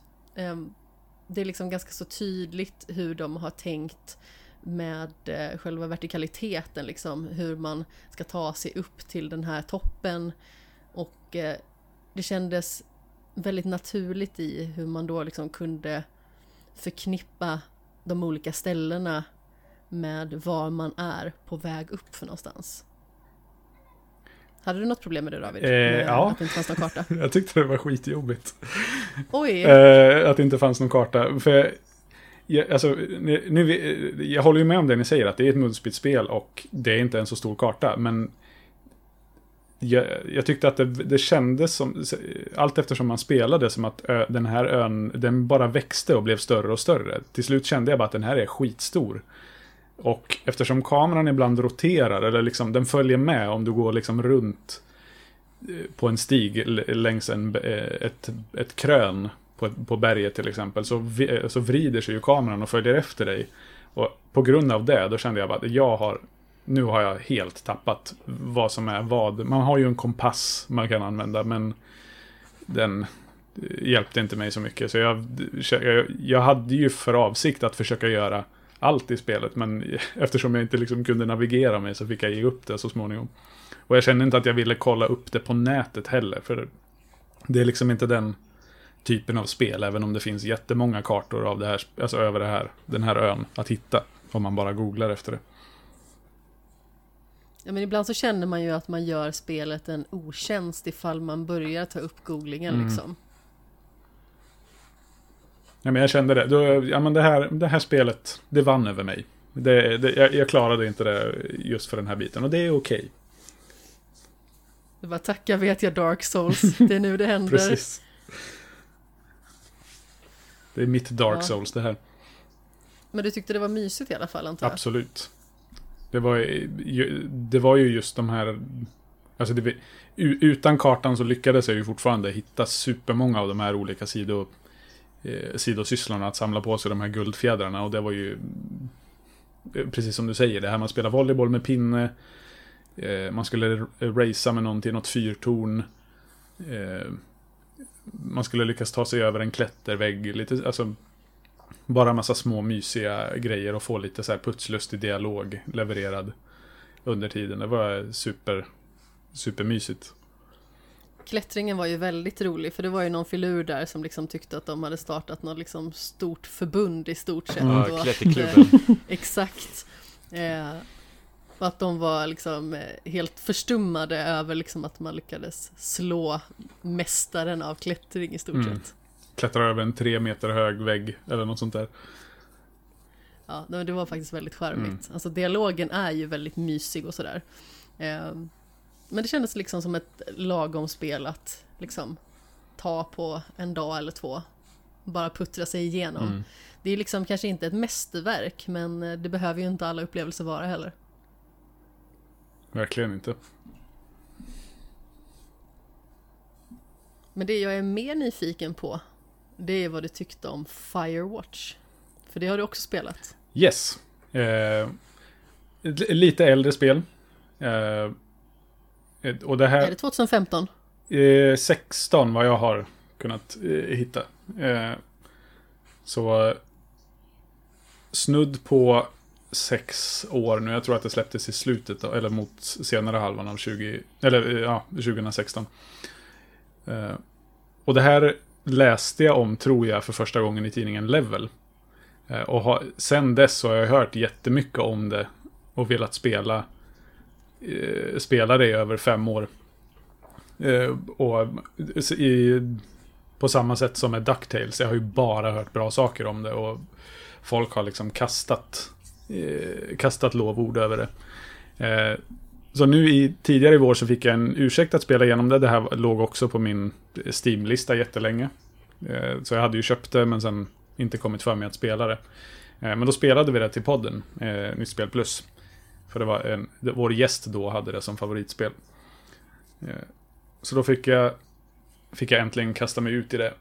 Eh, och det är ju, det är väl vad man skulle kunna kalla ett äventyrsspel. Ish. Äventyrsspel slash promenadsimulator i första persons vy. Eh, och där får man spela som Henry, en eh, medelålders vit man som inte kan hantera livet. Han lever tillsammans med sin Alzheimers sjuka Eh, fru och eh, tonårskärlek är hon också, eh, som heter eh, Julia. Så han, han flyr och eh, söker sin tillflykt till eh, Wyomings skogar för att sommarjobba som skogvaktare. Eller Firewatch, jag vet inte om det har en, en svensk motsvarighet. Vi har inte så mycket skogsbränder i Sverige på det sättet. Men någon typ av skogvaktare i alla fall. Eh, och man blir positionerad eller posterad i ett vakttorn där. Eh, och ska hålla koll på bara hur, så att, så att ingenting händer i området för, som skadar skogen eller djurlivet. Eh, och till förman har man eh, en kvinna som heter Delilah. Som basar över hela, hela naturreservatet, så eh, Henrys eh, område och en massa andra närliggande områden. Eh, och henne pratar man med Eh, via en walkie-talkie eller någon slags komradio. Och bygger snabbt upp en relation med henne allt eftersom dagarna går och det börjar hända lite mer eller mindre anmärkningsvärda saker runt omkring i sko skogen. Eh, och det här är väl kanske den bästa promenadsimulatorn eh, som jag har spelat. Det är inte så jättemycket rent spelmekaniskt att göra, men mer än att förflytta sig mellan platser, gå och springa. Eh, men det som, det som verkligen gör det till ett fantastiskt spel, det är att prata med Delilah i komradion. Att bara sitta och välja dialogalternativ och sen lyssna på när de pratar med varandra. Ja, jag känner igen mig i det du sa liksom. Jag vet inte riktigt om det är den bästa promenadsimulatorn jag har spelat. Mm, Men eh, den är definitivt där uppe någonstans. Och tallar. Ehm, jag spelade den året efter spelet släpptes. Borde det ha blivit då 2017. eh, på ett ganska så ooptimalt vis. Måste jag ändå säga. För jag eh, skaffade det på Steam. Och eh, testade och spelade på min eh, PC, en eh, laptop som inte var liksom så jättestark. Ehm, jag spelade även liksom Inside och eh, liknande spel på just den laptopen och alltså det var ju ett ganska så tveksamt tillvägagångssätt och jag har faktiskt eh, tänkt att jag någon gång ska spela om Firewatch just på Playstation. Mm. Bara för att eh, få uppleva det igen liksom på ett lite mer grandiost vis. Men just hela den här berättelsen och just inledningen där man liksom får veta Henrys bakgrund, den är så himla stark. Um, och jag börjar liksom nästan gråta bara jag hör låten eh, Prologue. Ja. Liksom, för att den är verkligen så himla stark. Det är lite som att jag har se... liksom med den i min spellista jämt. Ja.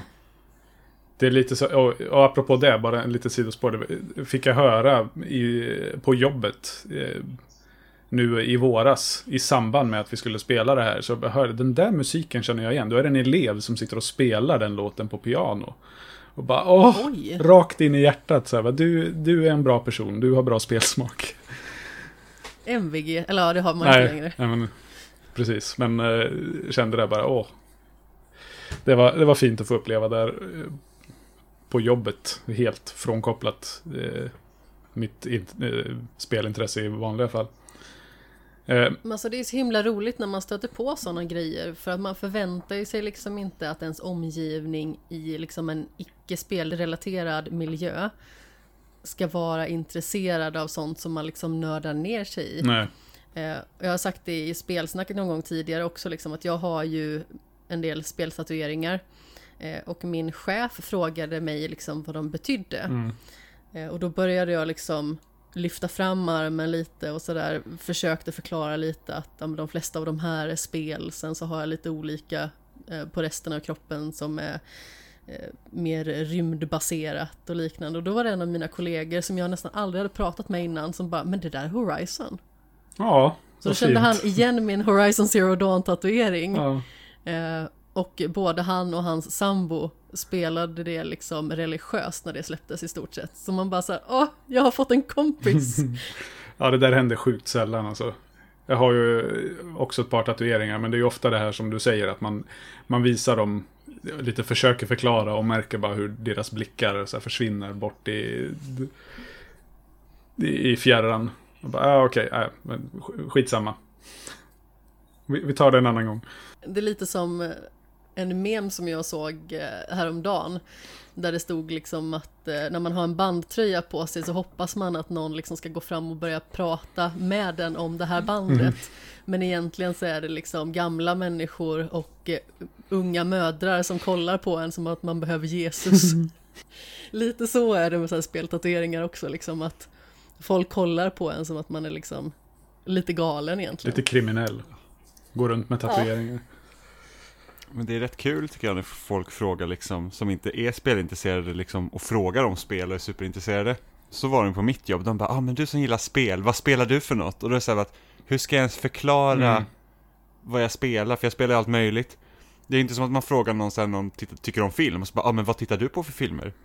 Liksom, har du någon, vad tittar du på just nu? Ja, det liksom finns den ju de, den typen av människor också, tyvärr. Men, Absolut, men det, men det är liksom ingen Det är ingen vanlig fråga för att alla tittar ju på film Ja. Men alla spelar, eller alla spelar inte spel säger jag nu Idag spelar ju nog förmodligen alla någon form av spel Oavsett om det är på dator, konsol eller mobil Men just att sitta liksom att man köper en dedikerad spelmaskin Är ju liksom Speciellt för många och då är det såhär, ah, men så ska man försöka klara Halo Infinite till någon. Man är en rymdgubbe och man skjuter andra rymdgubbar och så får man poäng och så vinner man. liksom det, det är typ det, ha, vad gör man då? Ja, man mördar varandra. liksom det, det är det. Ja men precis, det får ju en att låta lite galen och utan att låta liksom för elitistisk eh, så är det ju ett ganska så stort steg att gå från liksom att sitta på toa och spela Candy Crush till att köpa liksom en dedikerad spelkonsol och faktiskt liksom utforska utbudet. Ja, men och sen så finns det ju liksom och... naturligtvis steg däremellan. Men det är ju liksom eh, en annan typ av investering. Alltså framförallt ekonomiskt liksom. Jag menar en spelkonsol är ju inte gratis. Nej, nej men liksom till exempel som vi har gemensamma kompisar så de har ju så varje sommar så här, en vecka bootcamp i Rainbow Six. Liksom, så här, hur hade man liksom förklarat det så här, bara, men jo men vi, vi hade, det var en trevlig semester, jag bjöd hem några kompisar så att vi har spelat tv-spel hela dagarna. Ja, vi spelar Rainbow Six. Ja, men det är en taktisk, ja, man, man är typ en vad ska man säga, en taktisk agent som ska stoppa terrorister från att spränga ett hus. Man typ. mördar Och så varandra. Får man... Ja, men precis. Och det är hyperrealistiskt, så det blir kulhål i väggarna och nej, men liksom, Så att det, det är liksom, vissa grejer kan ju vara knepiga att förklara. Mm. Ja, absolut. Och jag kommer ihåg eh, bara för några veckor sedan så blev ju Fall Guys free to play. Och då var det några av mina kollegor som jag inte visste hade spelkonsoler hemma, hade skaffat det. Eh, Och då var det liksom andra runt omkring som inte spelade videospel som frågade vad det var för någonting. Och då kände jag så här, hur förklarar jag det här? Okej, man är bönor i små dräkter som springer runt på banor. Men där, alltså där får man nästan förklara, det är typ så här, ja, men det är som en japansk spelshow, liksom ett hål i väggen. Mm. Ja. Så är det olika liksom Fast hinderbanor Battle Royale ja, med hinderbanor och eh, knasiga figurer och ingenting liksom är organiskt utan det är typ robotar och eh, lite som hoppland egentligen. Ja. Ja, nej, det var inte lätt alltså.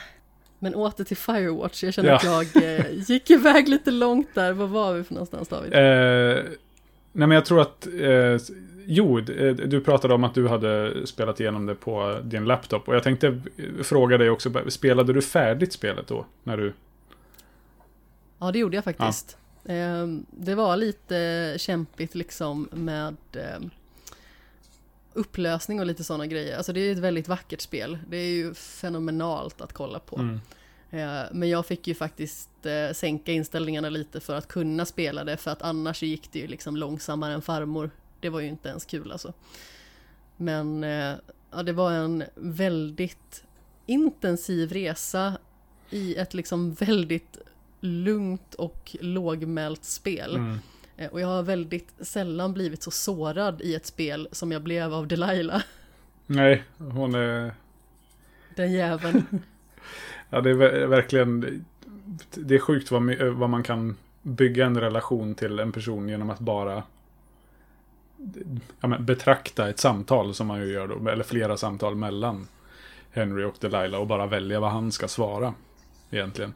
Ja men precis. Man kände sig verkligen som Henry också och jag kände liksom mig själv alltså djupt förolämpad och eh, sårad i hur hon agerade mot mig Mm. då som jag själv tycker liksom är huvudkaraktären i spelet. Jag kände ju liksom att eh, det hon gjorde liksom var helt och hållet oförlåtligt. Mm. Utan att säga för mycket men liksom, precis. vad det var för någonting. Men eh, eh, ja, jag blev helt eh, förkrossad faktiskt. Mm. Ja, men det är mysigt, rogivande, väldigt sorgligt och obehagligt också på sina, på sina håll. Ja men precis. Det är ju lite som eh, i Gone Home egentligen att man tror ju aldrig riktigt att det ska hända någonting obehagligt men det finns ju ganska så läskiga moment. Mm. Så man sitter ju liksom på nålar. Verkligen. Jag minns jag spelade Gone Home liksom mitt i natten en midsommarafton 2016 tror jag att det var. Eh, och alla liksom obehagliga ljud och eh, alltså små rörelser som man tyckte att man såg liksom Mm. långt bort eller i periferin och så. Det blev så himla mycket starkare när man satt och liksom var livrädd mitt i natten. Ja. ja, men de har, så har de ju den här förbannade åskan och blixtnedslagen utanför huset som hjälper till att eh, förstärka den här... ja, Ja, men det, det är något liksom illavarslande över hela det spelet som man inte alls har anledning att känna egentligen. Men sättet de har byggt upp det på får en ju att sitta där och bara vänta sig att något, något skit kommer hända när som helst nu. Något skit kommer hända och något skit har framförallt Ja. hänt. Alltså någonting som är riktigt, riktigt obehagligt Mm. känner man. Ja, så... Jag visste typ inte vad jag skulle ta mig till. Det var liksom svårt att eh, fortsätta spela. Men sen visste jag också att det är så pass kort att jag måste kunna plöja mig igenom det här. Mm. Och det var ju tur att jag gjorde det, för det var ju ett riktigt bra spel. Ja, verkligen. Men har du liksom någonting mer som du känner att du vill tillägga angående Firewatch? Uh, nej, eh, spelare. Vill jag säga till alla som lyssnar. Det är ju på samma sätt som Gone Home. Det går ju att, att jag spelar det också, för all del. Men eh, det är ju ett, det är ju inte, det är ju ett inte så långt spel. Det är nog inte särskilt dyrt heller. Beroende på vad man letar. Och det är en jättefin, jättefin berättelse som jag tycker man bör spela om man anser sig tycka om tv-spel. Ja, framförallt om man liksom gillar emotionella upplevelser och liksom känner att man får mycket ut av sånt. Ja men precis, K- Ja. kanske inte om jag, men jag spelar bara COD. eh, Så kanske man inte ska eh, sätta sig och spela Firewatch. Då, eh, då kanske man inte riktigt får ut samma, samma grej. Men om man, om man gillar den här typen av spel, om man gillar mer än bara en, en sorts spel, så kör. Ja men definitivt. Men jag tänker att vi ska fortsätta på mer spel. Mm. Ehm, och då har vi kommit till avsnittets lista. Eh, jag älskar att lista. Eh, jag vet att du gör det också Jimmy. Gillar du att lista David? Jajamän. Ja men det är fint. anteckningsappen i min telefon går varm typ hela tiden. Ja. Jag hade den också tills jag skaffade Google Keep. Det är så himla bra för att då kan man liksom dela listor med varandra. Så att eh, jag och Jimmy har så gemensam inköpslista och gemensam typ vad ska vi spela-lista och sådana grejer. Mm. Så det är en varm rekommendation. Yes. Men eh, avsnittets lista är topp 5 sommarspelupplevelser och Jimmy sa att det här har vi nog haft innan. Och jag tror inte det, men om det är någon lyssnare där ute som säger att jojo men, här sitter ni och skurkar er, eh, då får ni jättegärna eh, kasta digitala kottar på mig. Eh, Men gör det gärna ganska så snällt. Får jag bara fråga, kasta kottar, är det en ursäkta röran-referens? Alltså, det kan nog vara det. Jag för mig att jag såg något klipp ifrån det. Mm, Visst är det den här eh, Filip och Fredrik-klippet va? precis, deras När första de program. gör en gubbe väldigt upprörd. Exakt, de, de, eh, jag, jag, för, det, det är ju ett uttryck som du brukar använda. Eh, ett, ett väldigt bra uttryck, ska jag säga, kasta, att kasta kottar. Och, det, och det är hela tiden så här, men det, det, jag känner igen det där från någonting. Vad, vad, är det, för- vad är det för någonting? Och jag tror att det är eh, någon sån grej. De, ja, de har gjort någon prank-grej. De har spelat ett spratt. Eller någon sån här dolda kameran-grej. Och så är det någon som blir skitsur och kastar en kotte. Och så... Ja, Ja, alltså jag vet inte om det är just det. Eh, men alltså nu när du säger det så är det säkert så att det stämmer. Jag har inte sett så mycket av Ursäkta röran. Däremot så har jag liksom kommit över det här klippet då på internet sedan liksom väldigt många år tillbaka. Eh, Och jag tror att det är någon golfare eller någonting sånt som de gör jätteupprörd och då säger Fredrik vill jag minnas så här, inte kasta kottar nu. Ja, men just det, de är på Lidingö Golfklubb och eh, det, här, det här minns jag nu. De, de står med huligantuta vid utslagsplatsen och eh, ja, tutar i den precis när de ska slå ut från eh, ja, liksom börja sin runda. Ja, Lidingöbor vill man inte göra upprörda. Verkligen inte. Förlåt alla som bor på Lidingö. Känns som att jag drog alla över en kam där, men eh, ja, eh, kasta inte kottar på mig i alla fall.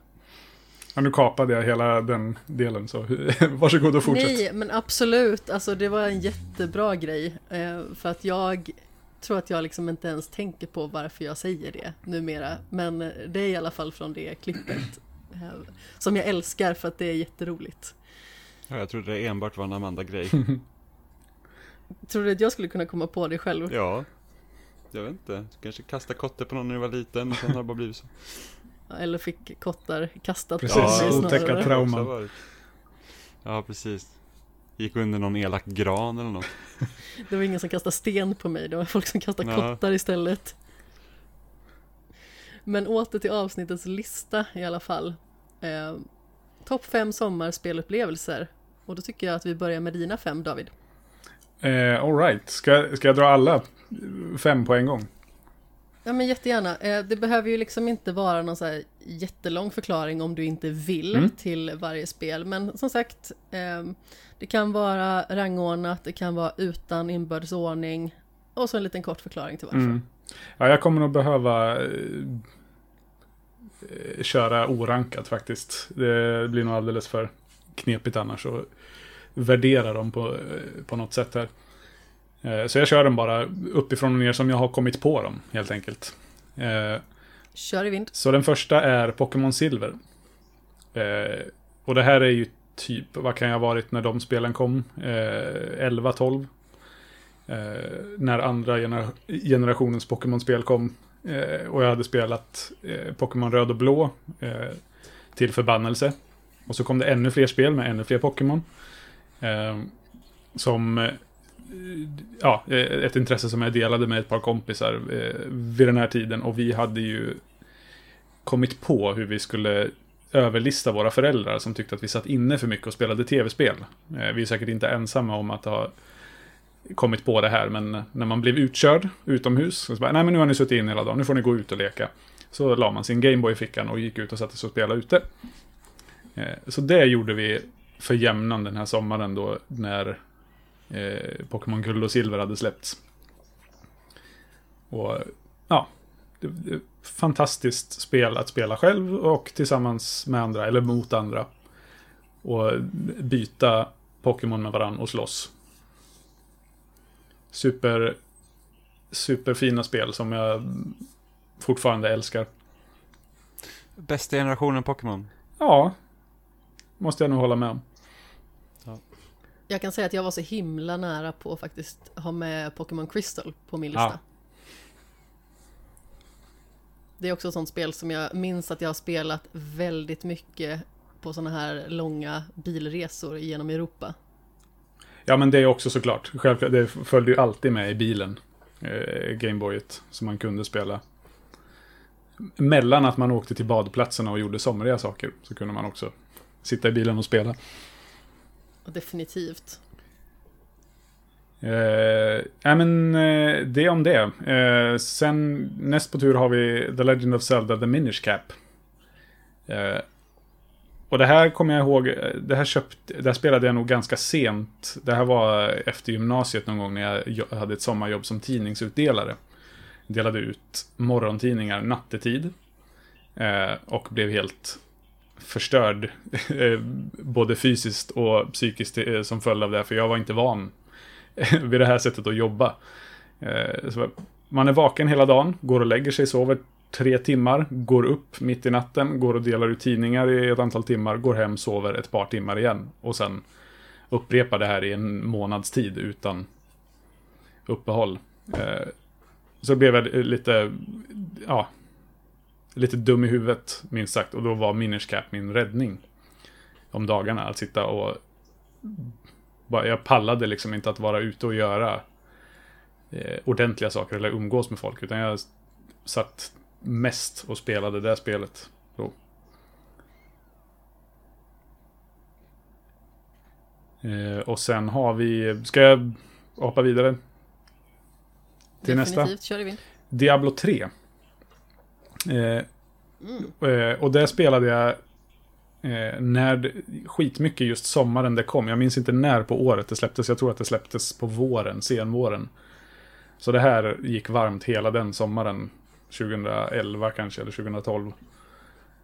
Eh, och det här är ju ett spel som har fått ganska mycket skit. Eh, för att det inte är som Diablo 2. Vilket jag också spelade eh, då när det begav sig. Men jag eh, tyckte jättemycket mer om det här upplägget. Eller jag, jag tyckte om det mer än vad de flesta andra verkar ha gjort. Eh, just det här med att det är mycket mer strömlinjeformat. Det, det är mycket mer en utstakad bana i hur du utvecklar dina karaktärer. Eller hur du eh, formar dem i färdighetsträden. Och eh, vilka, vilka förmågor du kan använda.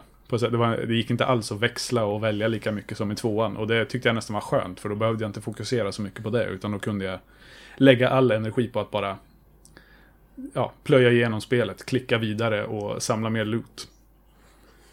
Nu känner jag att Kottar är på väg åt mitt håll här också, men eh, Diablo 3 är det enda Diablo-spel som jag faktiskt har spelat och jag tycker att det är jättebra. Ja, ja men se där. Eh, Jag spelade igenom det framförallt under den här berömda supervarma äckelsommaren. Eh, 2018 vill jag minnas att det var va? Mm. Eh, året innan jag skaffade en AC. jag tror att eh, AC'n införskaffades enbart på grund av hur äckligt varm den sommaren var. Ja. Jag bodde i en etta på 27 kvadratmeter med jättestora fönster och det var sol från typ klockan lunch någon gång på dagen ända tills att solen gick ner in i lägenheten. Eh, Så jag har ett tydligt minne av hur jag sitter på golvet i bara filsingar i stort sett. Eh, Sitter med benen så brett isär som det bara går för att jag inte vill att låren ska nudda varandra. Eh, Och så spelar jag Diablo. Det var varmt. ja det, den sommaren sög. Ja, mycket nattliga promenader blev det den sommaren. Jag eh, var ute på balkongen lite, men det kändes fortfarande som att det var för varmt. Alltså så pass nära huset, så jag gick helst ner, eh, lyssnade på en ljudbok, satte mig på bryggan vid sjön och doppade fötterna. Mm.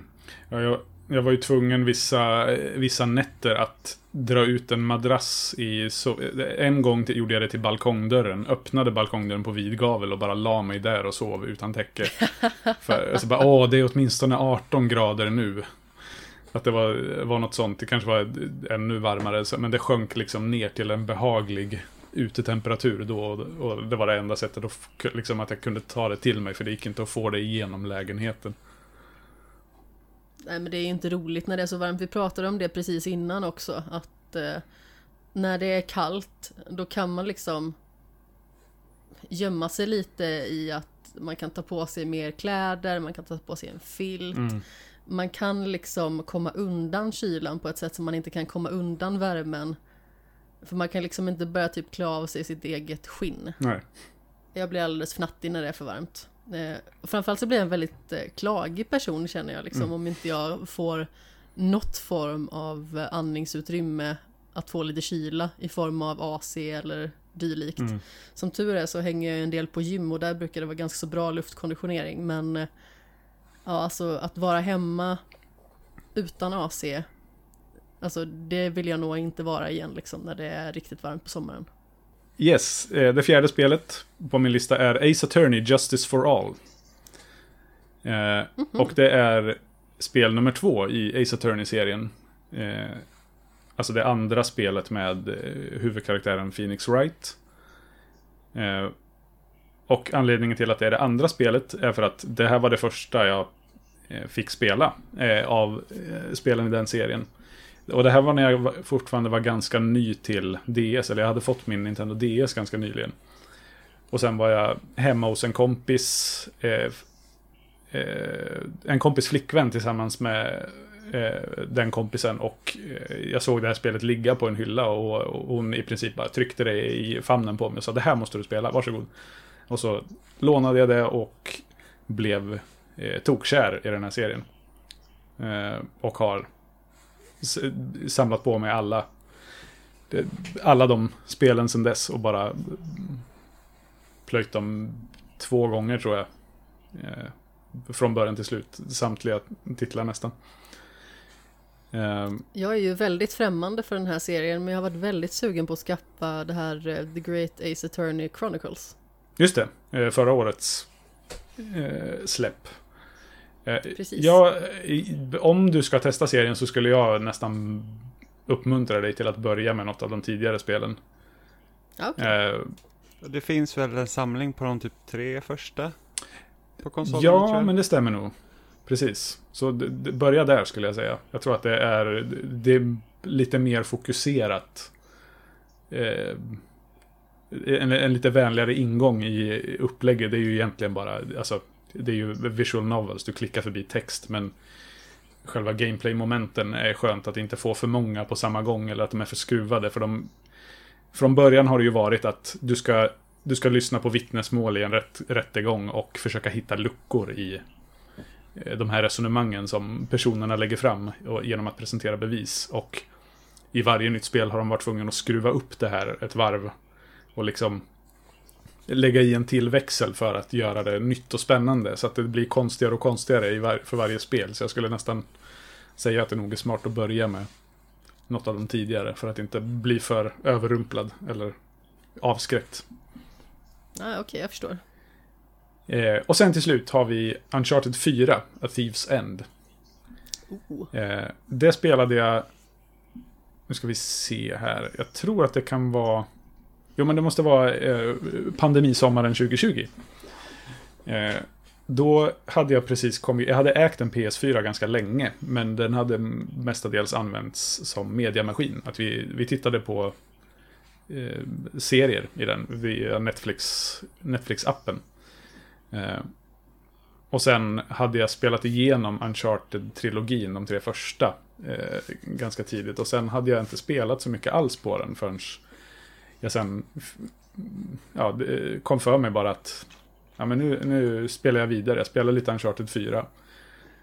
Vill veta hur den här serien slutar och sen bara blev det så att min fru då började sitta med eh, när jag spelade genom det spelet. För det är ju väldigt ja, väldigt baksätesspelarvänligt på så sätt att man kan sitta och bara hänga med i handlingen utan att Ja, det är, det är ett spel där man kan sitta med telefonen eller göra någonting annat bredvid utan att man riskerar att inte hänga med. Det är ganska enkelt och lättsmält på så sätt.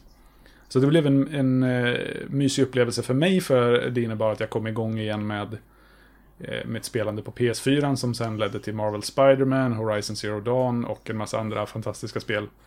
Eh, men också för att då kunde vi göra det här tillsammans, jag och min fru, som annars inte spelar så mycket sådana spel tillsammans. Ja, vad roligt. Så det är min lista.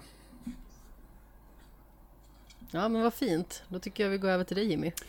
Yes. Eh, det är inte alltid lätt att välja bland alla sommarminnen. För att jag tycker sommaren är så bra att spela på. Eh, när man kan, är hemma och göra egentligen vad man vill. Mm. Men mitt första minne det är nog Multiplayer Red Dead Redemption. Och jag tror jag nämnde det här när vi hade ett avsnitt med Mats. Men just det här med att man kunde liksom rida runt i den öppna världen tillsammans med sina kompisar. Det var ju typ det roligaste som fanns. Eh, även om liksom man jämför typ med GTA 5 idag till exempel så finns det inte alls lika mycket möjligheter. Men då så var det ändå rätt så häftigt liksom att där kunde man se hur de egentligen sådde fröet till GTA 5 eh, online-del. Eh, med att liksom att världen var bestående och du liksom startade inte, inte en lobby med dina kompisar utan du kunde bara hoppa in och det var redan folk som red runt och så kunde man jaga tillsammans eh, jaga skurkar tillsammans och det var liksom, det var en väldigt rolig upplevelse. Eh, och vi var väl kanske en fem, sex stycken som spelade här nästan varje kväll i flera veckors tid. Eh, vilket var helt fantastiskt. Eh, mitt andra spelminne är Left 4 Dead. Eh, också en riktig så här multiplayer-klassiker där man skjuter zombisar tillsammans och försöker överleva de här banorna så långt som det bara går. Eh, och det är även via Left 4 Dead som jag har liksom fått kompisar som liksom, vi hänger ihop än idag eh, på grund av det spelet. För det var liksom så vi lärde känna varandra. Och det var just det att när vi liksom började tackla spelet på den svår, de svåraste svårighetsgraderna så handlar det inte så mycket om att åh, vi ska klara den här banan utan det är mer så att hur långt kommer vi? Eh, och just att Left 4 Dead är byggt på det sättet att det är liksom aldrig den ena spelsessionen inte den andra lik så det blir väldigt mycket att knasigheter händer hela tiden och sen så får man liksom försöka anpassa sig efter vad som händer vilket gör det ett otroligt bra spel att samarbeta tillsammans på. Eh, tredje är nog Pokémon Go faktiskt. Eh, jag tror inte att någon kan ha missat folk går runt med sina telefoner när Pokémon Go var som allra hetast och det fick ju vem som helst egentligen att spela Pokémon. Um, och för mig liksom som alltid har gillat serien så kändes det ändå som att de lyckades med någonting just i Pokémon Go som egentligen de andra spelen inte riktigt har, eh, har, rört och det är det här med att du ska bara fånga monster. Du liksom, det är det som är det största målet eftersom det inte fanns Alltså strider och sånt finns ju men det var liksom, kändes inte som att det var det primärt fokus utan det var ju det att man skulle ut runt om i städer och landsbygd och sen så bara liksom jaga monster. Så det var otroligt kul att se dem lyckas med ett sådant koncept eh, på mobilen. Får jag fråga hur länge du spelade Pokémon Go? jag spelade bara den sommaren. Ja. Jag också. Mm. Och sen så fick, för att jag, där jag bodde så var det liksom inte ett optimalt Pokémon-ställe. Mm. Eh, för att det liksom så här, det var väl något Pokémon-stopp i närheten, men liksom det var också det enda. Eh, men när det var som hetast så åkte vi liksom in till stan, alltså in i mitt i smeten på Stockholm liksom, och bara gick runt för att spela Pokémon.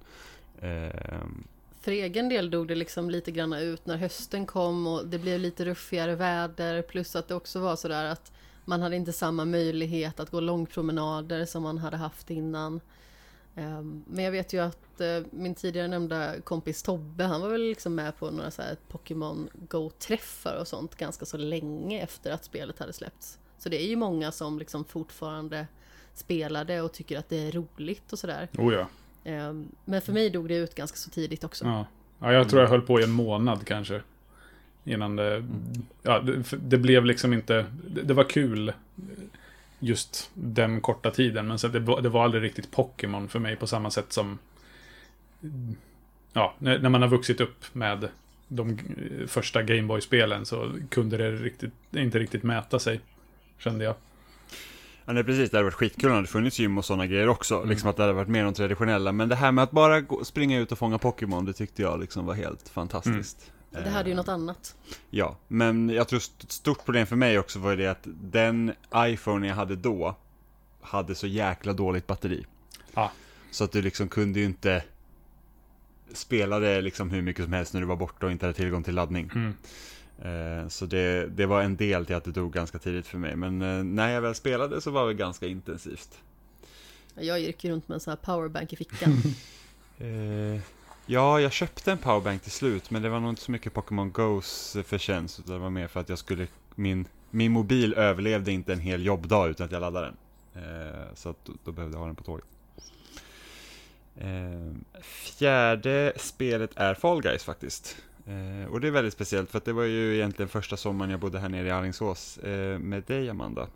Eh, och då spelade vi mycket Fall Guys. Och det är ju hur roligt som helst. Eh, och speciellt när det var ett sånt spel att när vi hade kört det första helgen så var det så att nu har jag sett vad det här är för någonting, nu behöver jag nog inte spela det så mycket mera. Eh, och sen blev det bara att det höll i sig ändå, eh, för att det är så kul och det spelar vi fortfarande. Så ja, fort, precis. så det fort- känns ju som att vi får möjlighet att ta upp det ännu mer också på sommaren. I och med att vi har liksom mycket mer fritid. Ja men precis, och det kan vara liksom Man behöver inte känna sig att jag måste spela något annat nu för att man kan börja spela Fall Guys och sen kan man byta spel utan att hela dagen är förstörd. Ja men Eh. precis. Och som jag nämnde tidigare så var ju spelet gratis när den här senaste säsongen kom ut. Och eh, då tänkte man liksom att 100 nivåer, äh, det kommer man aldrig ta. Alltså, det tar man kanske på ett halvår eller någonting när nästa säsong släpps. Eh, och vi har redan maxlevlat. Mm. Vi har spelat en del Fall Guys fortfarande. Ja. Det är fortfarande lika kul. Men nu är det så också att de har både dagliga utmaningar, månatliga utmaningar och även liksom maratonutmaningar och de två förstnämnda där får man ganska så mycket av den här eh, fame-biten som gör liksom att man då går upp i level. Eh, så lyckas man dra på sig en 1800 i fame en runda eller någonting sånt, då går man ju upp några levels. Ja men precis. Så ibland går det fort. Ja men det gör det. Eh, och sista spelet det är faktiskt Shao Garden i Sonic Adventure 2 Battle. Oh, Eh, fint val. Precis, eh, Sonic Adventure 2 är inte ett bra spel, tycker Nej. jag. Eh, det är ganska skräpligt. Eh, men just Shao Garden var hur roligt som helst, så att det är egentligen, vad ska man säga, det är som att du ska ha flera tamagotchis i ditt spel, där du kör de vanliga banorna och får kristaller som du ger till dina chows, så att du kan levla upp dem och sen så tävlar du med dem. Så att du har ju, Du ger dem små Ja, du- djur också va? Som man hittar. Det kan man säkert också göra. Eh, och så kan man para dem och få liksom nya varianter och försöka liksom crossbreeda dem så att de får nya förmågor. Det var liksom en hel, hel grej. Så att jag och min kompis Robin satt ju och nördade oss in i Shao Garden som tusan alltså. Det, det är ganska klassiskt som vi brukar göra. Vi, vi hittade liksom spel och så hittar man någon liten avstickare i det här spelet som egentligen inte har någonting att göra med hur man egentligen ska spela Mm. dem och sen så snöar vi in oss på det som fan. Eh, och det gjorde vi och försökte liksom buffa upp dem så gott som möjligt och, och liksom så här. Då blev ju även de sämsta banorna blev ju något roligare när man visste att okej, men vi behöver spela den här banan för att samla ihop lite material till våra shows. Ja, det, det är ett väldigt Eh. osoniskt, eh, sonicskt eh, sätt att eh, liksom göra banorna på. För det, ju det handlar ju verkligen inte längre om att springa igenom dem snyggt och smidigt. Utan du ska stanna på en massa ställen och leta efter avstickare. Så det är ju väldigt udda på så sätt. Precis, och jag hade gärna sett att någon hade gjort ett Chao-spel som bara tar tillvara Mm. på den här Chao Garden, så kan man liksom strunta i det andra. Det hade varit eh, fantastiskt. Håller med. Jag, jag spelade, eller jag köpte det faktiskt i GameCube för eh, nu är det väl en handfull år sedan, fem sex år sedan kanske, för att jag hade så varma minnen av det och det är ju skitdåligt. Man, jag orkade inte spela för att ta mig till den här mysiga biten. Är det typ varje gång man måste spela som Knuckles eller eh, Rogue, Ja, så är det bara så här att, åh fy fan, vilket piss. Mm. Det finns liksom en bra bana i spelet och det är spelets första. ja. Resten är liksom skräp. Ja. Men ja. Ändå har jag stora förhoppningar på det här Sonic Frontiers när det kommer. Så jag hoppas att det är bra. Ja, trots att jag haft en katt som eh, hette Sonic så är jag väl inget jättemega fan av Sonic-spelen. Utan det var liksom tv-serien som jag följde när jag var liten. Vilken av frågan, dem? Vilken tv-serie? 90-talets Sonic eller Sonic X på 2000-talet? Det måste nog vara 90-talets. Väldigt bra. Med, ja, den med en... eh, Ja, de här eh, ondisarna. Som, det är nå- någon liten grön snubbe med en borr på handen och en stor höna. Ja, är, det de, är det den serien, Amanda? Det låter bekant Ja. ja. Mm. Och när Eggman hette Robotnik som han ska Ja. heta. Precis. Du var klar med din lista, eller hur Jimmy? Ja. Då tänker jag gå vidare på min. Och eh, mitt första spel är Super Smash Bros Melee. Och eh, det är ett spel som verkligen så här osar sommarlov, chocolate chip cookies och eh, pauser med frisbeekastning. Eh, det var nämligen så här att eh, när jag gick på gymnasiet så lånades en GameCube och jag hade liksom inte varit så jättebekant med GameCube tidigare. Men just det här spelet fastnade verkligen och så satt man på ens eh, barndomsrum och eh, satt och skrek på varandra. eh, och lärde sig att eh, älska Marth också som är den karaktär som jag fortfarande liksom helst väljer att spela med i första hand.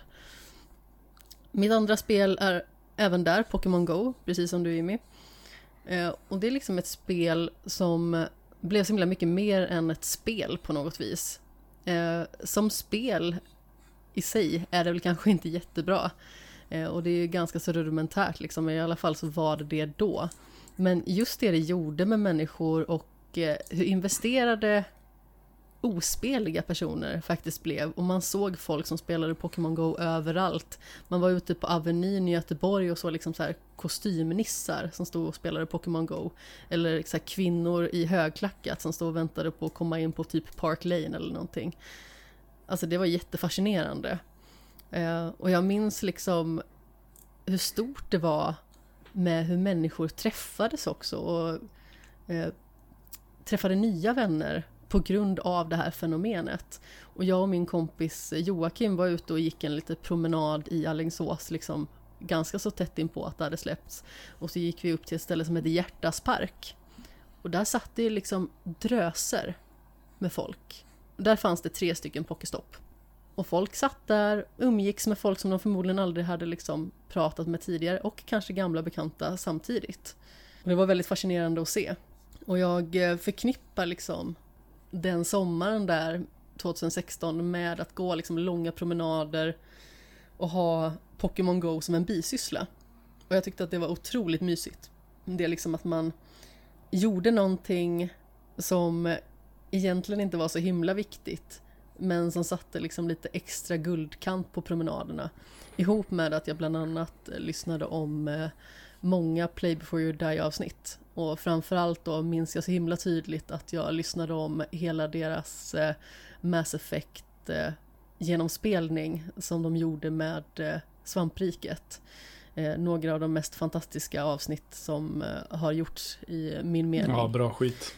Och det leder mig faktiskt vidare på nästa spel och det är just Mass Effect. Eh, som jag började spela i fjol. Det började ju kanske lite mer på senvåren men det bryggade ju över väldigt mycket på sommaren. Det känns liksom som att jag fylls så himla mycket med somrig värme när jag tänker på Mass Effect.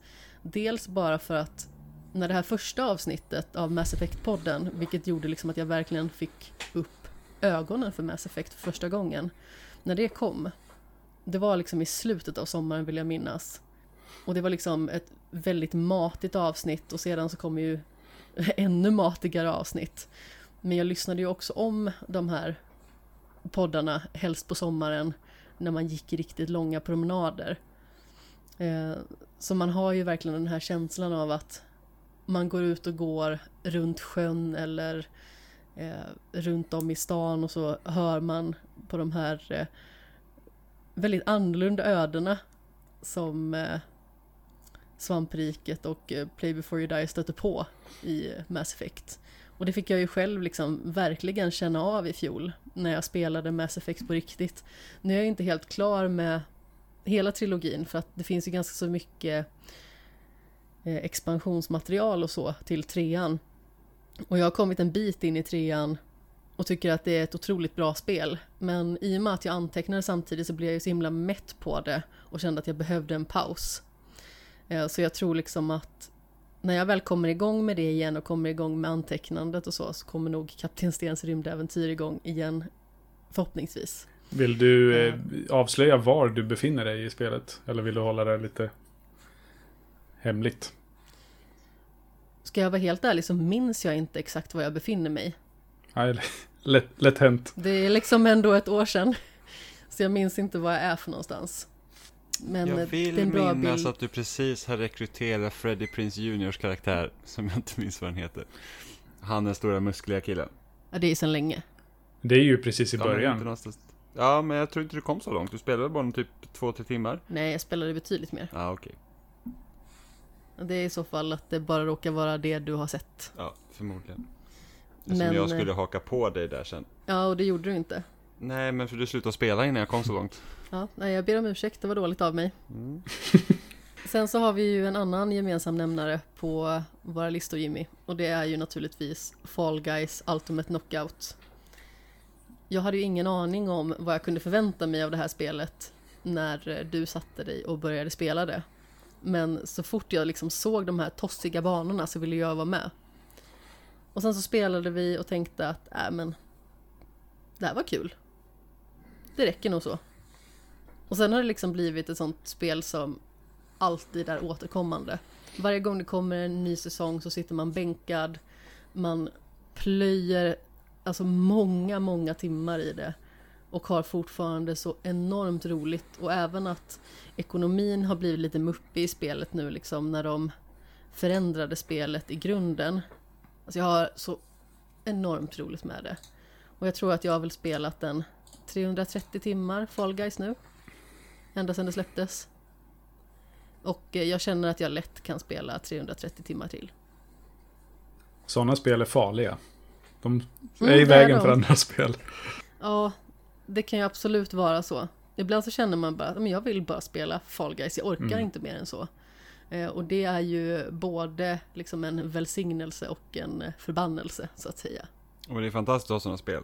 Alltså jag har, liksom, man, jag har haft perioder man går igenom liksom olika där man så att det här är det spelet jag bara kan ta upp när jag känner att vi spelar någonting men inte vill anstränga mig så mycket. Typ så Battlefield 3, Modern Warfare 2 hade jag så med också, Halo 5.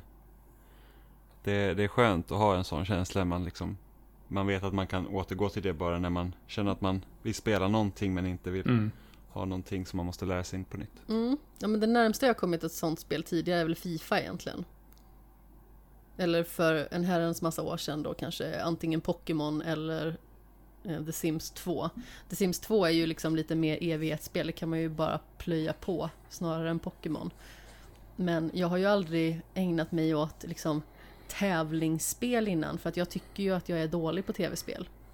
Men Fall Guys har jag spelat så mycket nu så att då känner man ändå att men jag hänger ändå med en del. Eh, och då blir det också roligt för att man känner att jag har chans att vinna. Även att man liksom inte känner att men jag är överlägsen alla andra och jag är bäst på det här. Men man känner ändå att man är med i spelet. Eh, och det är eh, väldigt roligt. Och sen mitt sista spel. Det är Super Mario Bros 3 naturligtvis. Alla som har hört en eh, spelpodd eller dylikt med mig tidigare vet att det är ett av mina favoritspel någonsin. Det är ett spel som jag spelade med mina kusiner när vi var små. Vi är födda 91, 92, 93. Så vi är typ i samma ålder alla tre. Och eh, satt och skickade handkontrollen mellan varandra. Och det är liksom ett spel som jag så in i benmärgen verkligen förknippar med sommar. Just det här att vi satt vid den här lilla köks-tvn, tripp, trapp, trull och spelade. Eh, och sen så kom eh, min moster då, eh, deras mamma. Nu kan ni gå ut och hoppa lite studsmatta eller någonting sånt. Eh, och så gjorde vi det och så kanske vi badade lite. De bodde precis liksom vid vattnet. Eh, och sen så hade de också en pool när vi blev lite äldre. Eh, så kanske man badade lite, hade lite vattenkrig, hoppade lite studsmatta, blev jagad av svanar någon gång. Eh, och eh, sen så gick man in och så spelade man Super Mario Bros 3 igen. kanske testade lite Chip and Dale, kanske testade lite annat, men kom alltid tillbaka till Super Mario Bros 3. Så det var väldigt fint kände jag att även att vi kanske var ganska så olika och sådär. Eh, och inte alltid hade så här jättemycket gemensamt så. Det kändes som vi hade alltid Super Mario Bros 3. Även när vi blev lite äldre. Och det var fint. Jag har fortfarande inte klarat det spelet. Oj! Jag hade alldeles för mycket problem i sista världen när jag var liten. Och i vuxen ålder har det inte blivit att jag tagit tag i det. Ja, det kanske borde ha varit ett så här skämshögspel från 89 då. Är det från 89? Ja, precis. Jaha. Ja, jag, jag har ju spelat det, så att, men det är ju mer... det är den där sista, sista bossen. Ja, men precis. Skämshögspel är ju lite vad man gör det till eller sådär. Det kan ju mm. vara att eller skämshögspel eller film eller serie. Det kan ju vara att man påbörjar någonting som man tycker har legat i ens skämshög. Men att man tänker att men jag behöver inte det här längre. Mm. Och då ryker det liksom. Sen så kan det ju vara att man har spelat ett spel så pass mycket, även om man inte har klarat det. Att man känner att men, på något plan är jag ändå klar med det här. Att man väljer att se det som klart. Mm. Det är när det liksom kommer till den här biten att man känner att det är liksom ouppklarade affärer. Då är det liksom skämshögen. Det är tur att det inte finns en platina-trofé i Super Mario 3. jag vet inte. Jag hade ju velat ha den alltså. Porta Super Mario Bros 3 Lär ju hända. till Playstation 5. Men vad säger ni? Ska vi tassa in på det sista området för dagen?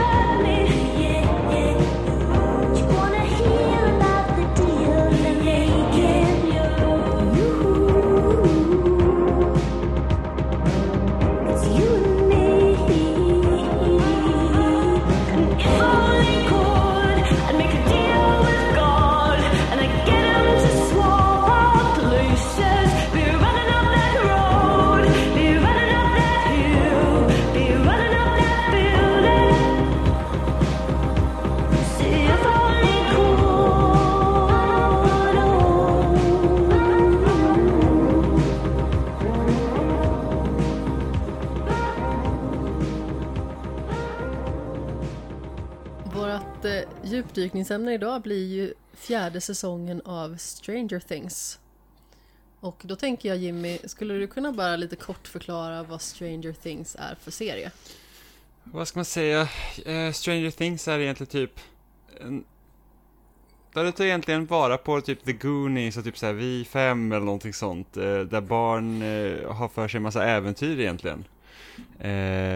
Och i den här, i Stranger Things så är det liksom egentligen övernaturliga saker som är väldigt knuten till den staden som serien utspelar sig i.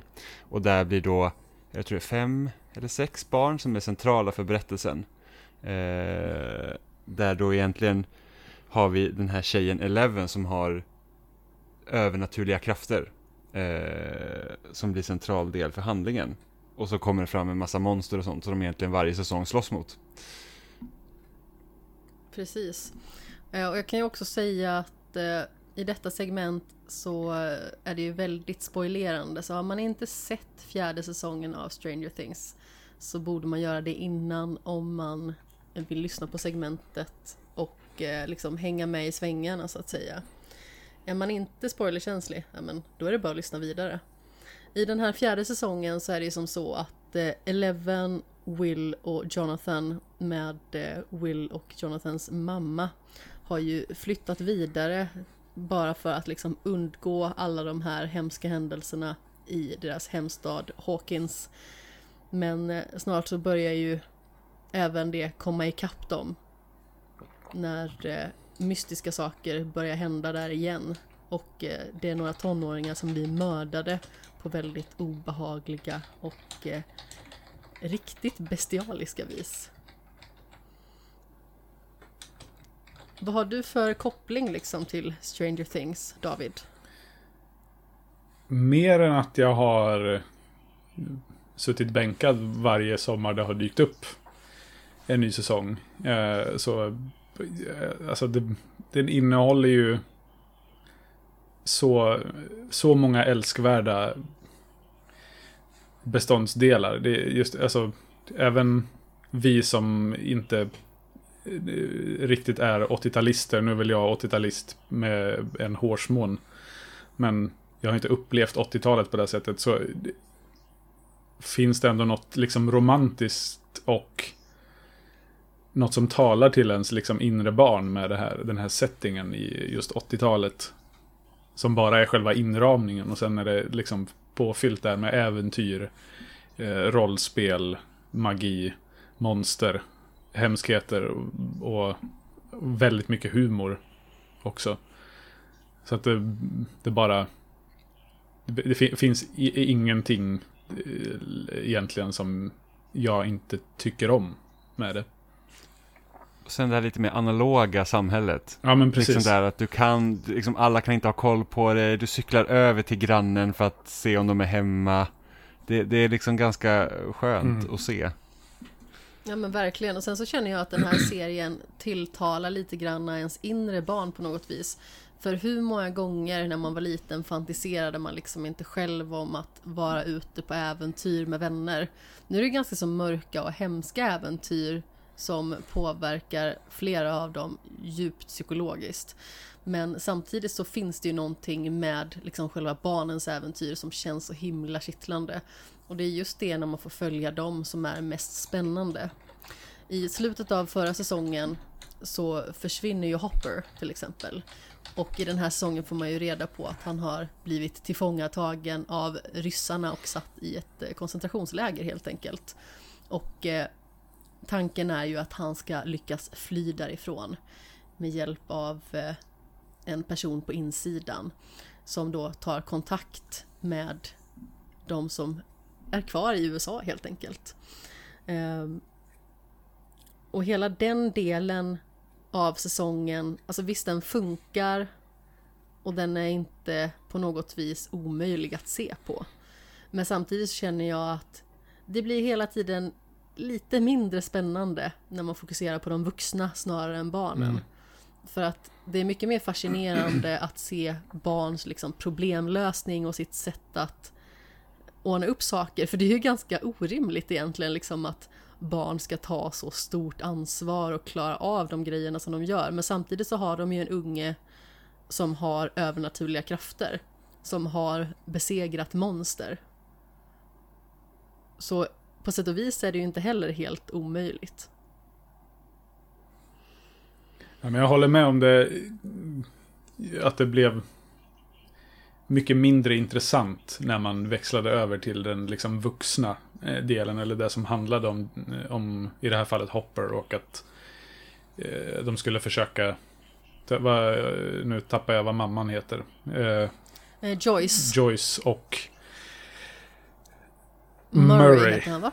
Eh, att, hur, hur de ska göra för att få ut honom från det här ryska fängelset.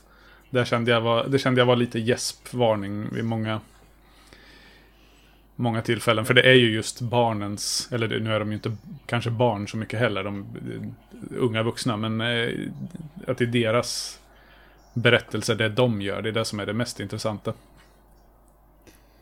Och jag tror lite att det blev en konsekvens av att den här säsongen var så himla lång. Alltså de fläskar ju verkligen på Ja, med avsnittslängderna på, på och, och då känner man liksom så här att när de väl börjar liksom i, redan introducera att ja, men Hopper lever och han är numera i Ryssland.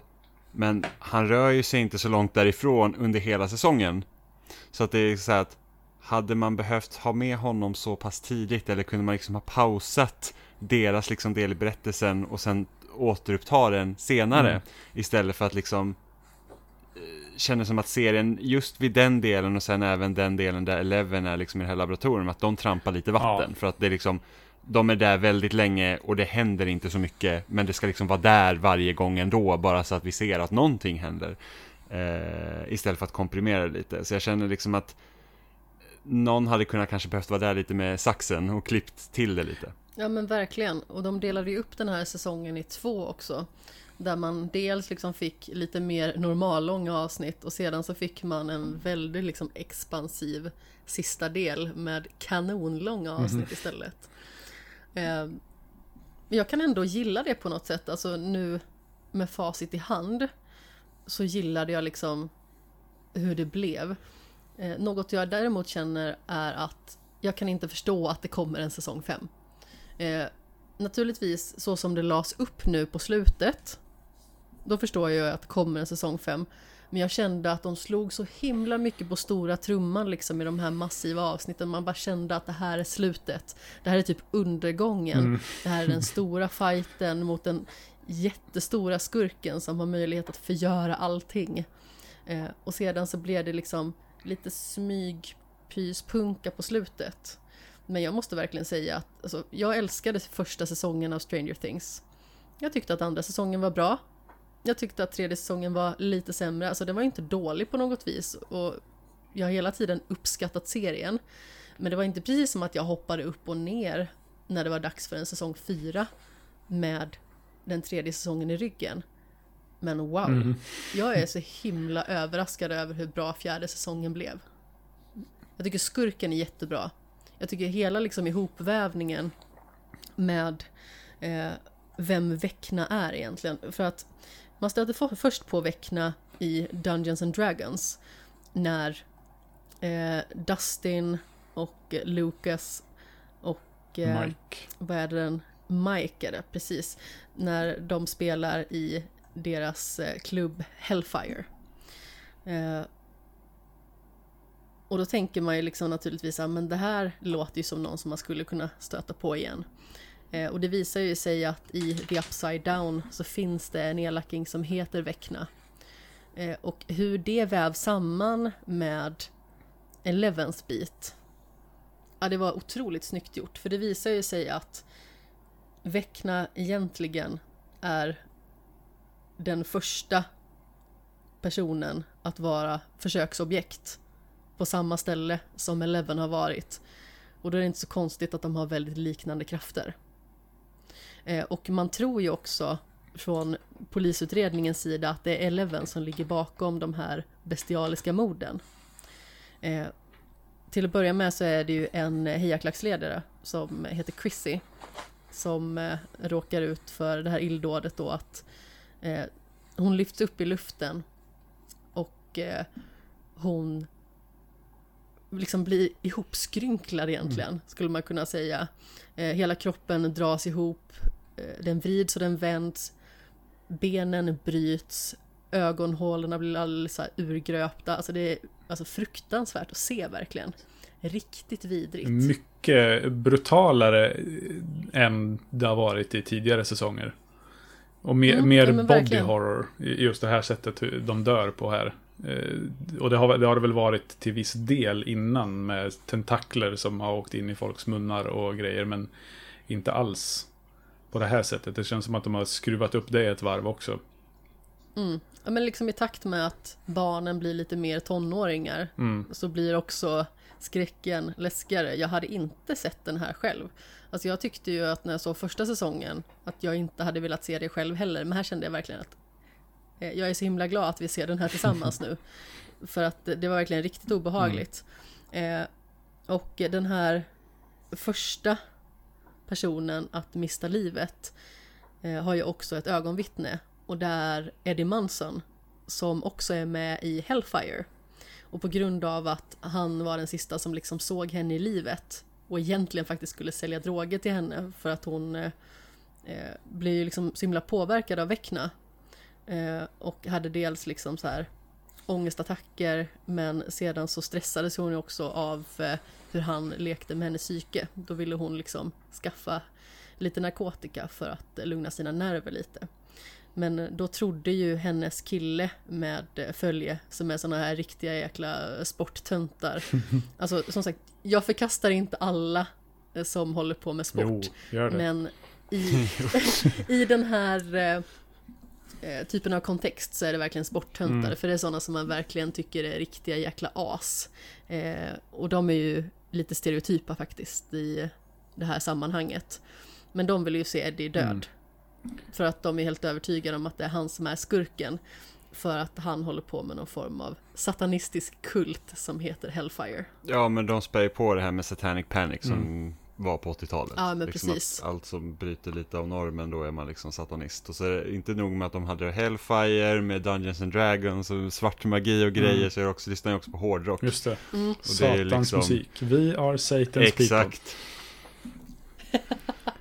Men det, alltså just det här grejen med de här äh, sportfånarna också är ju att visst, den här alltså all, allt det övernaturliga och hur de här ungdomarna dör äh, och hur hemskt och brutalt det än är så skrämmer det inte mig lika mycket som tanken på det här äh, sportkillegänget som är ute och ska skipa rättvisa själva. Det känns jättemycket mer obehagligt.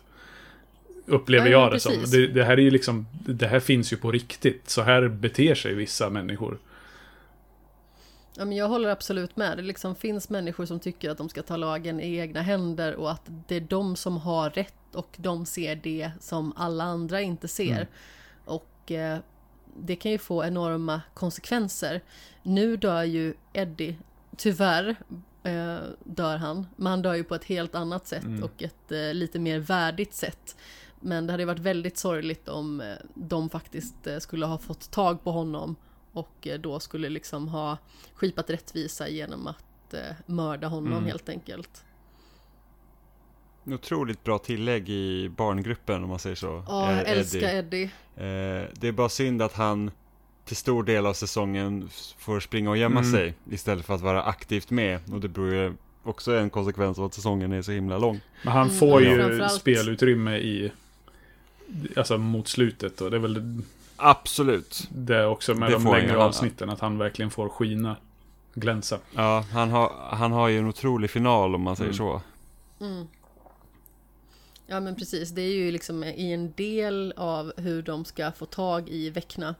För Väckna har liksom ett form av, man skulle kunna säga så här eh, uppladdningsområde där han eh, sätter fast sig i sina sådana här eh, nätverk av tentakler för att då lättare kunna nå ut med sina telepatiska krafter, eller vad man ska säga. Har sin checkpoint. Alltså, väldigt- Sin sparpunkt. Ja men, ja, men exakt, men så här, det är väldigt besvärligt förklarat men eh, Han, han laddade upp sig mot sina tentakler och så kommer så här Super Metroid sparningslåten. Mm. Ja men Han precis, ja, men verkligen. Energi. Eh, men då hänger han liksom där och eh, i medvetandet så är han någon annanstans.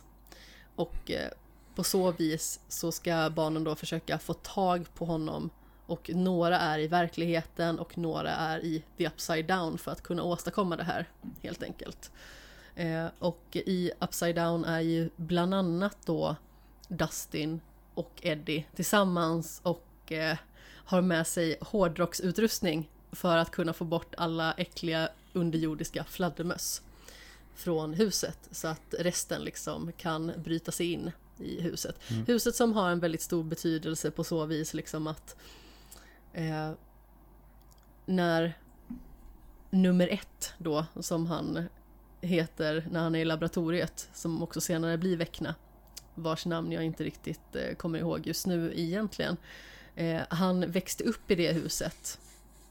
Och han eh, eh, låg bakom liksom några mord som skedde där när de precis hade flyttat in. Mord som man tror att pappan då hade begått. Eh, och pappan sitter liksom inne i fängelse. Så de är ju dessutom och besöker honom i fängelset för att få reda liksom på vad som hände. Men det är ju ingen som tror på pappan när han säger att det inte var han som mördade sin hustru och sin dotter och eh, sin son. Sonen som då försvann och blev ett testobjekt istället. Victor Creel är ju pappan. Eh, där Ja men och, precis. Ja, jag kommer inte ihåg heller vad sonen heter. Men det är ju det Creel-huset. Som har blivit som ett spökhus, typ. Mm. Ja men exakt. Ja, det, det är ju verkligen ett så riktigt obehagligt hus som man då får se från utsidan. Henry Creel heter ju sonen. Ehm, och det var ju liksom från början en pojk som bara verkade väldigt så här återhållsam och tillbakadragen och inne i sin egen värld. Men det visade sig att han hade krafter bortom denna värld, helt enkelt.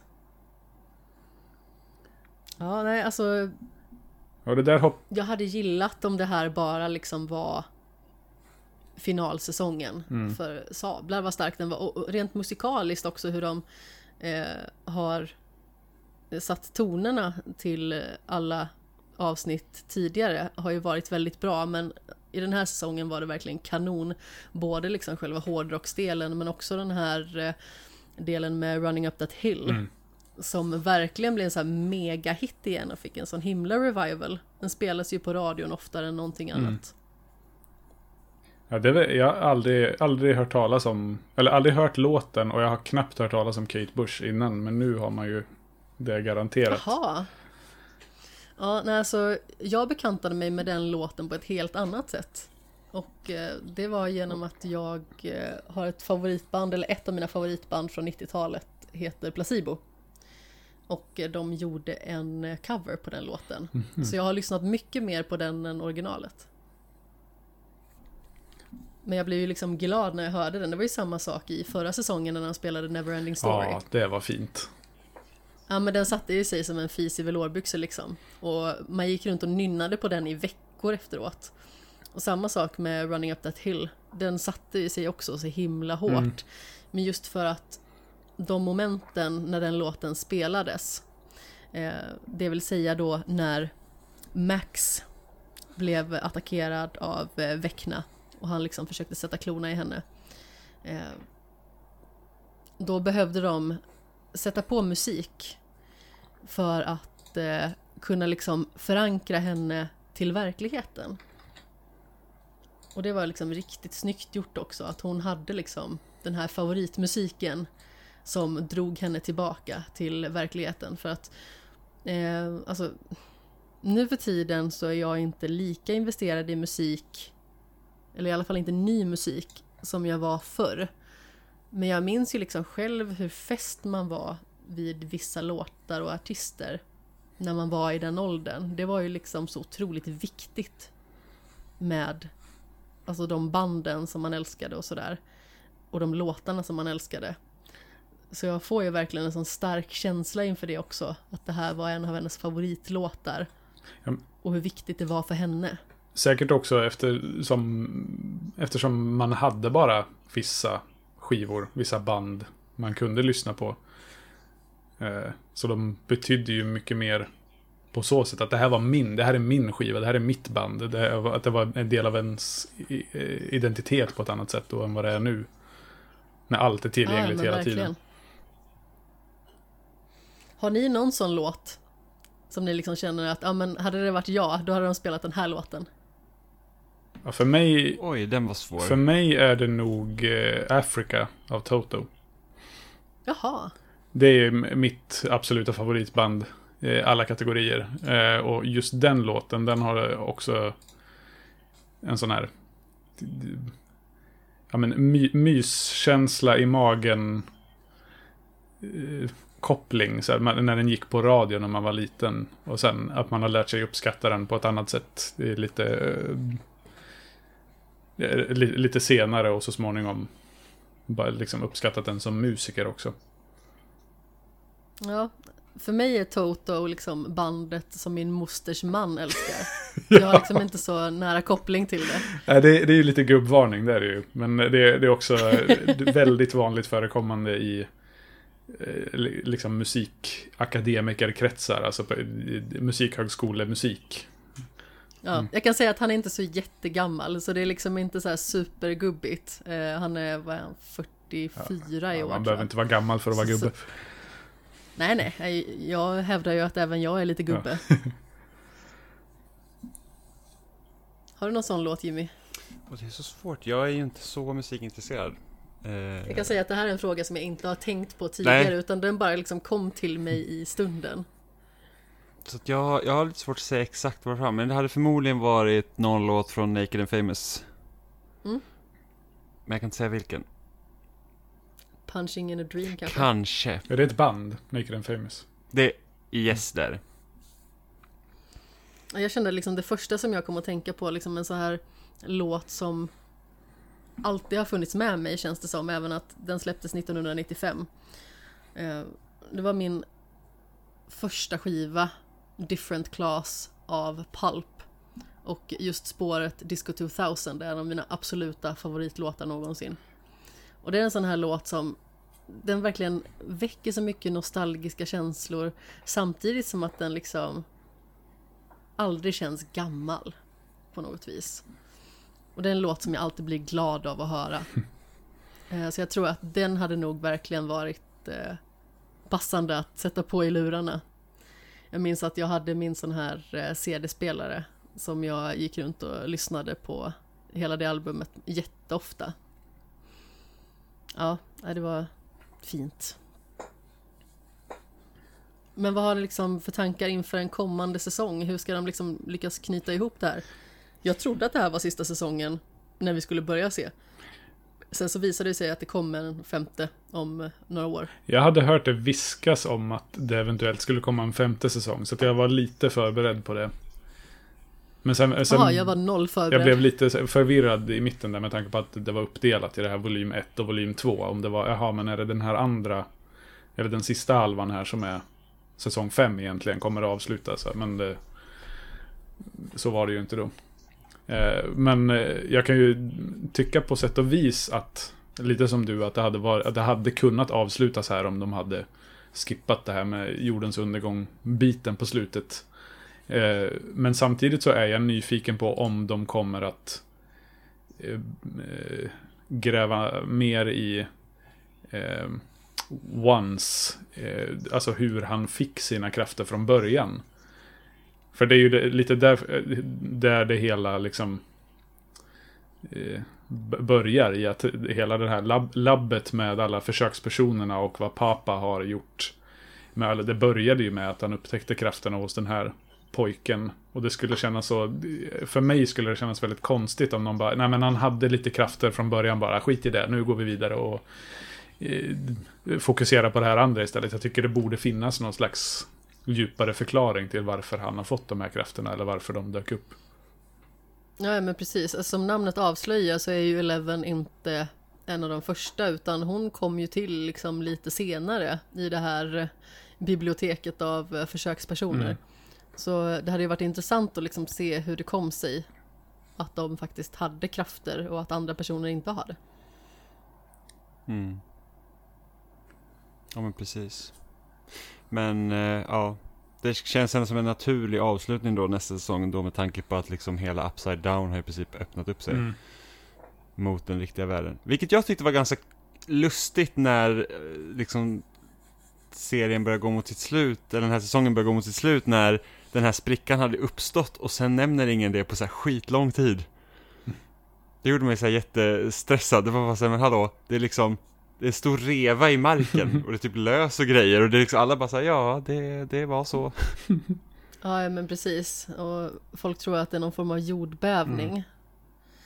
Eh, Det har ju liksom tisslats och tasslats på Das Internets om att eh, det skulle vara Will som är skurken i sista säsongen. Jag vet inte riktigt vad jag tycker om den teorin. Nej. Jag tror inte att han, jag tror inte tro att han är skurken men jag skulle misstänka att han är nyckeln till att lösa det. Mm, ja, men det är mycket möjligt. Det började ju med honom. Det börjar med honom och sen så såg vi det också när de kommer ner i Upside Down så verkar tiden vara fryst där till samma dag som han kom in i Upside Down från första Ja, början. exakt. så att det... Kommer han in i han- det samtidigt som Eleven skapar? Eller ö, hon öppnar den här portalen? Eller är det... Det, vet, det tror jag är lite oklart om det är så, men när de såg i alla fall, alltså Upside Down-versionen av Hawkins verkar i alla fall vara det datumet som Will blev liksom tagen Okej. i första säsongen. Jag förstod det som Men att det jag var tror det att det datumet. faller samman. Ja. Jag, jag, jag, jag förstod det som att det var det, alltså den tidpunkten då Eleven öppnade porten, eller portalen till eh, Upside Down. Men det kan, det, jag kan ha fel. Det kan mycket möjligt vara så också, men då är frågan så här, varför blev Will tagen från första början? Men jag för mig också att Nancy, alltså eh, stora syster Wheeler där, eh, att hon kommenterar på, om jag har för mig att det är hennes dagbok eller någonting sånt, Mm. att eh, det datumet som liksom blev viktigt, det var det datumet Will försvann. Okej. Mm. Nu kanske jag drar det här ur röven. Men eh, jag tror att det var det. Men eh, jag har för mig att det också liksom sammanföll med att eh, Eleven liksom då trodde man till inte gjorde eh, Henry. Ja, det är ju inte superlångt ifrån att- varandra i tid, de två tillfällena, utan det var mer... Alltså det, det är väl kanske någon dag eller något sånt emellan som jag förstår, eller bara några timmar kanske till och med. Som skiljer dem åt. Mm. Ja men exakt. Men det är ju så att Eleven skapar ju liksom Vecna. Eh, och tidigare har man ju trott att det är hon som är ansvarig för den här massakern liksom. Där alla de här eh, ungdomarna, de eh, före detta försöksobjekten, eh, mördades. Slaktades egentligen. Och de dödades ju också på lite samma vis som de här tonåringarna i Hawkins också dödades. Eh, Så det är ju därför polisen också tror att det är hon. Just det. Ja, det var faktiskt en väldigt fascinerande säsong. Det kändes som att så himla mycket vävdes samman och jag gillade det så himla mycket. Eh, Det var synd liksom att inte det fick vävas ihop eh, till 100% och vara klart här liksom. Ja, precis. Men jag tror ändå att den sista säsongen kan faktiskt bli kanon. Mm. Jag För nu hoppas. känns det som att det verkligen finns liksom en, en final att väva ihop allting kring. Ja men också att det var liksom inte bara så att första säsongen var jättebra och sen började det gå ut för lite grann. Även att de andra säsongerna inte har varit dåliga. Så känner man ju liksom att det successivt har dalat lite grann i alla fall. Men nu känner man ju att de kan ju verkligen. Ja. Jag minns inte om jag tyckte att andra eller tredje säsongen var sämre. Men jag vet att det... Ja, det, det var lite liknande som du beskrev innan Amanda. Att det första var kanonbra och sen gick det neråt. Sen kanske det gick uppåt lite igen med trean. Eller om det var att det gick stadigt neråt så. Men nu har det ju vänt e- och gått uppåt igen. Definitivt. Mm. Alltså det som jag framförallt tycker är synd inför nästa säsong det är att Eddie inte är med. Ja, väldigt tråkigt. Och det känns ju som att det skulle vara lite pajigt om de lyckades ta tillbaka honom på något sätt. Ja, det hoppas jag verkligen inte. Det har de ju redan förstört lite tycker jag i hur de hanterade Max. Eh, Ja, jag, vet, jag vet inte hur, nu, hur ni eh, kände inför det. Eller hur, hur de har... Hur hennes... Hur hon har svävat Ja, i det- farozonen genom säsongen och vad som till slut hände. ja, men precis. Och just det här med att åh, vi kan låta henne då typ dö, men sen drar man tillbaka Ja. det. Det är liksom, det, det är lite typ... Ja men, om man nu har läst Dragon Ball manga-serien där liksom Japp. folk dör titt som tätt och så är det så här bara, parallell. Ja, ja men det, då är det liksom så att, ja men här kan vi döda karaktärer och det kändes liksom jättestort när det hände liksom första gången och sen så bara, ja men vi har ju drakkulan, vi kan bara önska tillbaka dem Precis. igen. Och sen så kan man typ önska tillbaka hela karaktärsgalleriet och det är bara så här, jaha men då spelar det ingen roll om någon dör. För att ni kan bara få tillbaka dem, så då blir det nästan här att man man leker med det, de liksom emotionella känslorna för att sen liksom Mm. bara, nej men det var inte så farligt. Och det Mm. tycker jag är lite tråkigt. Det är liksom så att, ja visst, jag kan vara glad över att Max överlevde, men det är liksom så att hon blir egentligen inte räddad. Nej. Utan hon blir ju faktiskt liksom tillskrynkad.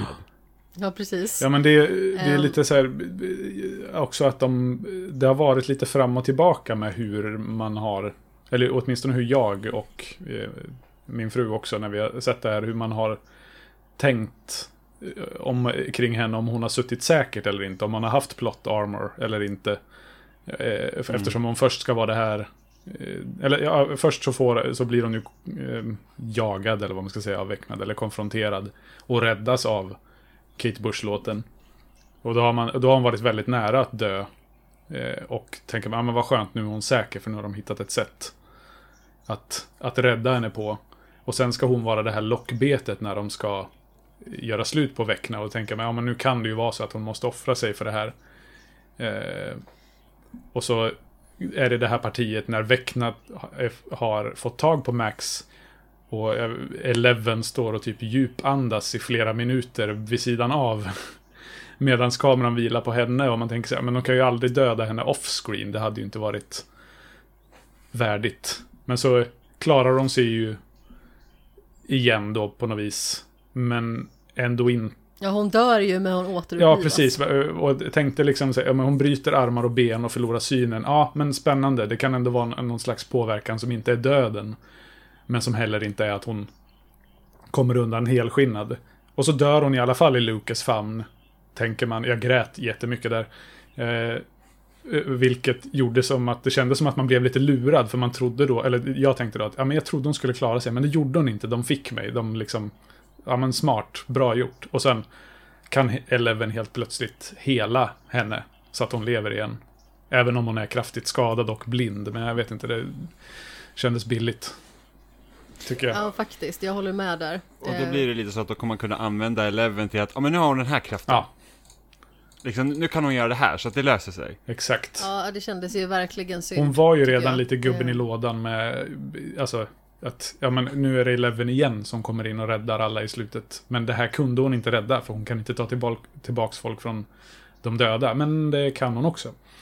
Så det, ja, nej.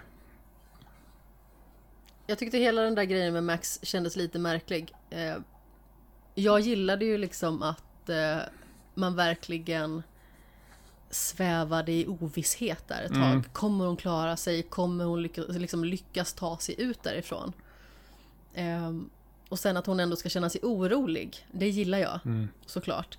Men att deras plan är att de ska försöka locka Väckna till henne när man inte heller redigt har fått veta varför Väckna går på de här specifika ungdomarna. Jag tyckte det Mhm. kändes väldigt märkligt för att rent logiskt så borde ju inte han attackera henne igen. Då borde han ju söka sig till ett nytt offer när han vet att de här ungdomarna är på sin vakt det. och försöker gillra en fälla. Jag tyckte det kändes jätteologiskt. Ja, men det, var bara, det förklarades väl inte mer än att eh, ja, men de har ett tidigare tungt trauma som de bär på. Men jag menar, det kan ju inte bara vara de i hela, i hela den stan som har varit Nej, med om något exakt. hemskt. Därför kände jag liksom att, ja men, rent logiskt så borde ju bara Väckna söka sig till ett nytt offer. Han lyckades inte med henne. De är på sin vakt nu, nej men då går han någon annanstans. Varför skulle han liksom söka sig tillbaka till henne Mm. när de liksom vet hur de ska ta henne därifrån? Ja, det kändes faktiskt väldigt ologiskt. Eh, Du grät ju där lite grann. Alltså jag grät mer när Eddie dog. För jag bara kände så här, åh nej, den här karaktären som var så himla fin och bra. Eh, som dessutom liksom hade eh, enligt honom själv då en historia genom säsongen att eh, springa ifrån sina problem. Och här var det liksom han som lockade till sig problemen och eh, var en del av räddningen, så att säga. Mm. Men jag gillade också karaktären så himla mycket, så jag tyckte det kändes så himla synd att han skulle försvinna. Men det kändes också, med tanke på hur hårt klimatet liksom var i hela säsongen, så kändes det som att fler borde ha dött. Mm. Ja, det var ju nära att Och just Steve... att Max inte dör kändes också lite ologiskt. Ja. På grund av det. Steve var ju nära att stryka med. Och det tänkte Ja, jag att men säga, men nu, det, det, han skulle kunna vara en sån som de dödar för att visa att det finns lite stakes. En, en omtyckt karaktär, eller som man först hatade egentligen, men som sen blev jättepoppis. Och sen att han, att han skulle kunna dö, men det, det vågar de inte riktigt. Ja, det verk, och det gjorde de ju bevisligen inte med Max heller. Så det är lättare för dem att ta in en ny, helt ny karaktär. Mm, gällande Steve så känns det väl som att de kommer väl behålla honom åtminstone en bit in i nästa säsong bara för att det liksom ska skapa då spänning mellan honom, Nancy och Jonathan. Mm. Och det är supertråkigt. Alltså det är så sjukt ointressant vem hon ska välja av de två. Det är liksom inte någon, en, någonting som behöver vara en del av serien längre, tycker jag. Nej, jag tycker också att det är väldigt tråkigt att han liksom inte har kommit över henne. Mm. Det kändes liksom inte riktigt som att det var någonting som behövdes. Jag gillar ändå att han och eh, Robin liksom fortfarande så himla bra kompisar. Även att han uppenbarligen var liksom jätteförtjust i henne. Mm. Sen så visade det sig att hon spelar på andra laget så att säga. Ja, det är ju någon sån här... Det är ju det är en meme som har cirkulerat ganska mycket nu. Att det, det borde göras en spin-off-serie som bara är Robin och Steve som jobbar tillsammans på olika ställen. Ja precis, och så får de sparken i slutet av säsongen och börjar Ja. ett nytt jobb på nästa. Borde, det, det borde verkligen hända. Det hade faktiskt varit ganska roligt. Har vi något mer att tillägga om eh, fjärde säsongen av Stranger Things? Nej, jag har inget mer i alla fall. Nej, det var superepisk Master of Puppets-del bara. Mm. Det var ju så jäkla coolt. Ja, alltså det är ju på ett taket. utnött uttryck sådär med episkt men jag håller med liksom om att episkt var det rätt så många gånger man kände Mm. bara att wow! Man satt typ och höll andan och bara eh, utvidgade sina ögon så mycket som det gick. Ja men så episk i ordets rätta bemärkelse. Att det är någonting storslaget och liksom omfattande Mm. som händer. För det kändes det verkligen, som. Verkligen, jag håller med. Det är så metal. Jag läste någonstans att den skivan där Master of Puppets är med på, den kom ut några veckor innan Mm. eh, säsongen ska utspela sig. Så att jag måste säga att eh, Eddie är väldigt bra på gitarr. Väldigt Ja, hängiven. men- ja, väldigt hängiven. Han lärde sig det där riffet ganska Ja, snabbt. det, det såg jag också. Han har, liksom, han har lyckats lära sig det utan att kunna isolera spåren från varandra på skivan. Och han har inte heller kunnat kolla upp några, tab, eh, några tabs, några noter på nätet. Han har tagit allt helt själv och sätter det perfekt. Ja, det är starkt jobbat. Ja, verkligen. Tog med sig den hemligheten i Mm. döden. Ja. Ja, där, eh, apropå det, så jag grät ju snarare där också där eh, när eh, Dustin pratar med hans farbror, eller vad det är, farbror, morbror. Som han har bott Åh, tillsammans ja, med. Så där grät jag nog mer än när han faktiskt dog. Ja, ja, men det var sorgligt. Jag undrar om Eddies liksom dödsfall kommer påverka i alla fall Dustin en bit in i, i nästa säsong också. För att det är väl liksom första gången de egentligen har förlorat någon som är så nära. Ja, precis. Ja. Ja. Jag får lite rysningar bara jag tänker på det. Mm. Jag tyckte att deras relation är så fin. Eh, och jag tycker också att det är skönt att serien den omfamnar verkligen så här manliga relationer. Alltså även att det liksom inte är alltså, stora vuxna män och Mm. deras relationer. Men liksom pojkar och alltså, tonårspojkars relationer som inte behöver vara så här grabbiga och armbågen i sidan och eh, brofist och grejer Mm. liksom utan det är liksom varma fina relationer känslomässiga relationer även att de är vänner. Mm. Ja, det är jättefint. Jag uppskattar det väldigt mycket faktiskt. Eh, och att det liksom känns att både tjejer och eh, killar i serien eh, oavsett om de liksom är barn eller tonåringar då som de har varit att de spelar väldigt mycket ändå på samma villkor. Det är liksom inte så här att om men killarna, de ska lösa det här för att de är hårdare och starkare. Mm. Ja, nej men precis. Det blir liksom inget att varför ska du göra det där du är tjej, typ. Men precis, det är liksom ett väldigt jämnt lag. Mm. Det uppskattas. Det behövs mycket sånt. Eh, Och framförallt liksom att eh, de placerade ju ändå i en tid där det var inte lika uppmärksammat med eh, hur viktigt det är med jämställdhet Mm. och, och så. Alltså det hade ju börjat mer men eh, det är ju liksom inte lika mycket på tapeten då som det är nu. Är Fortfarande väldigt cementerade könsroller. På den tiden. Ja, men precis. Ja, Det gjorde det så kul också senaste- att, att de hade med Lukas lilla syra. nu tappar jag namnet på henne, men att hon och den som kommer in och totalt eh, äger i eh, deras rollspelsklubb. Eh, Su- nu super har jag sassy. inte namnet skrivet framför mig men heter hon Erika? Ja, jag just det. tror det. Hon är ju svinhäftig. Och s- som bara var jobbig egentligen, upplevde jag det som i tidigare säsonger. Hon mest var den här skrikiga lillasyrran. Det är väl för att jag har en lilla syster själv. Kanske, men eh, som nu fick bli en liksom en egen ordentlig karaktär. Ja. Nej, hon var faktiskt eh, riktigt grym. Och det är också liksom häftigt där eh, tjejer och killar, de har liksom inte de här alltså, tydliga rollerna i serien heller, liksom som att de är de tydligt tjejiga eller de tydligt killiga. Utan att, men, hon spelar liksom Dungeons and Dragons, hon är klipsk, hon är eh, alltså hård. Hon är som en liten bandyboll liksom. Eh, superhäftigt tycker Mm. jag. Och det visar ju liksom också att man behöver inte bara ha superkrafter då som Eleven har för att kunna åstadkomma väldigt mycket och bidra mycket till eh, hela gänget.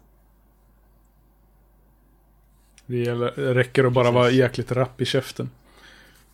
Ja, men verkligen. Ehm, ja, men vi ska väl eh, börja säga godnatt. uh, klockan är 13 minuter över 11 och uh, börjar bli dags att avrunda faktiskt. Yes. Men eh, David, var finner man dig för någonstans till vardags? Eh, oj, eh, ja man kan eh, välja lite där man känner eh, passar en själv egentligen. Eh, där man kan hitta mig mest är på playerone.se. Eh, playerone.se där jag skriver om spel. Eh, inte lika mycket nu som tidigare men jag försöker att hålla mig eh, aktiv där. Eh, jag säger som vår chefredaktör Alexander, läs vår skit. Vi skriver bra saker. Eh, och vill man hellre lyssna då kan man vända sig till Nytt Spel Plus. Eh, podden som jag driver ihop med min kompis eh, Otto. Där vi på eh, ett nästan eh, ja, skamlö- vi har, det är ett skamlöst snott koncept från typ Retroresan och Play before you die. Som jag har försökt snäva till nu lite för att det inte bara ska vara en efterapning. Eh, men där vi spelar favoritspel eh, som den ena av oss har spelat och den andra inte har spelat. Och så försöker vi fräscha upp det här med att få in lite gäster då och då. Och där har ju du varit med också, Amanda. Ja, ja men Och precis. spelat Transistor. Eh, gjorde ju både påhälsning hos er och sen så för ett eh, litet tag sedan, bara någon vecka tillbaka, så hälsade jag ju på Alexander också i hans podd, Just det, spelspecifikt där. ja. Eh, det finns ju också att hitta på Player One om man besöker det. Och är intresserad av den. Eh, annars kan man hitta mig på eh, Instagram där jag heter Overheard by the Nerd. Finns även på YouTube under samma namn och där gör jag lite små videor om brädspelssortering. Hur man sorterar i inom själva brädspelslådan. Med olika Ja, inserts. Och lite, lite musikinnehåll också. Ja, spännande. Jag kan ju säga också att skämshögen, eh, precis som Nytt Spel Plus, är ju också skamlöst inspirerat av eh, till exempel Play before you die och Retroresan och eh, dylika poddar. Så du behöver inte känna dig ensam på den Nej, fronten. te- det är mer att vårt upplägg, just det här med att diskutera ett särskilt spel varje gång och enligt vissa kriterier är lite för snott för att inte be om ursäkt för innan man ja, Nej, men precis. sätter igång. Jag övervägde att ha något liknande koncept också från början, liksom, där man bara hade en grej att diskutera. Men sen så blev det liksom att eh, det var mer grejer på tapeten och Skämshögsbloggen från början bearbetade ju bara spel. Sen när Mm. jag hade haft bloggen i bara typ någon vecka, då blev jag ju upphittad av eh, IGN Sverige. Och började där. Och då blir det ju väldigt mycket videospel. Och därför började jag ju även inkorporera film och tv-serier. För att få det liksom lite mer varierat. Och upptäckte jag att det finns ju ganska så mycket som man har missat på den fronten också. Mm.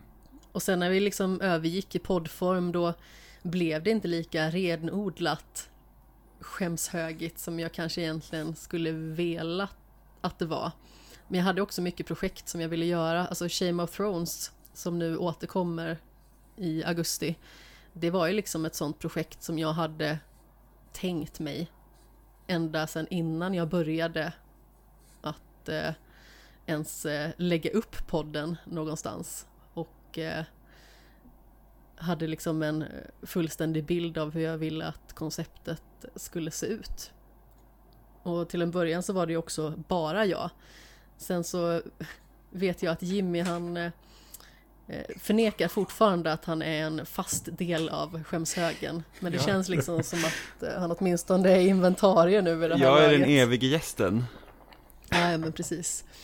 Men eh, ja, alltså har man några åsikter och eh, funderingar eller dylikt om eh, skämshögen så får man jättegärna mejla till skamshogensgmail.com Går också att kontakta på Twitter eller Instagram eller Facebook naturligtvis. Där eh, det är snabla skämshogen eller skämshögen då som gäller. Känner man till exempel att man tycker att ja, nej, det är för mycket nytt som ni diskuterar. Ja, släng iväg ett meddelande och säg liksom att ja, satsa mer på gammalt material. Eller har ni några förslag på eh, kanske något eh, segment som ni tycker att eh, podden saknar eller dylikt. Bara mejla in förslag. Det går alltid att eh, ta till sig sådant och eh, som sagt, det här är ju ett projekt som ligger mig väldigt varmt om hjärtat och eh, det är ju ständigt föränderligt. Eh, och det är ju knappt ett år sedan som jag kände liksom att eh, jag behövde göra en liten förändring i podden i alla fall. Med eh, hur ofta den skulle släppas. För att innan var det liksom väldigt oregelbundet och nu är det liksom sagt att det ska vara ett avsnitt i månaden. Som gäller åtminstone. Sen så blir det ju lite mer nu med den här Shame of Thrones-grejen. Men eh, som sagt. Frågor, funderingar, förslag eller önskemål mottages varmt på tidigare nämnda kanaler. Och Jimmy, vart hittar man dig? Jag skriver om spel på loading.se och jag pratar om spel i spelsnack. Ja, och saknar man mig och Jimmy så kan man naturligtvis lyssna på spelsnack varje vecka. Vi är med nästan varje vecka skulle jag säga. Ehm, Så där får man jättegärna lyssna. Podden släpps på onsdagar. Och då är det ju alltså, mer aktualiteter som diskuteras både när det gäller nyheter och eh, även spelsläpp och sånt som vi har tagit del av. Även jag skriver på loading så man får jättegärna läsa recensioner. Det kommer nog bli några stycken här eh, framöver. Eh, och mig kan man även hitta på sociala medier i form av Kapten Sten, Sten med två E. Men det var jätteroligt att du ville vara med David, så hoppas jag att det här Mass Effect-avsnittet någon gång blir av. Ja, men superstort tack att jag fick vara med. Det var jätteroligt.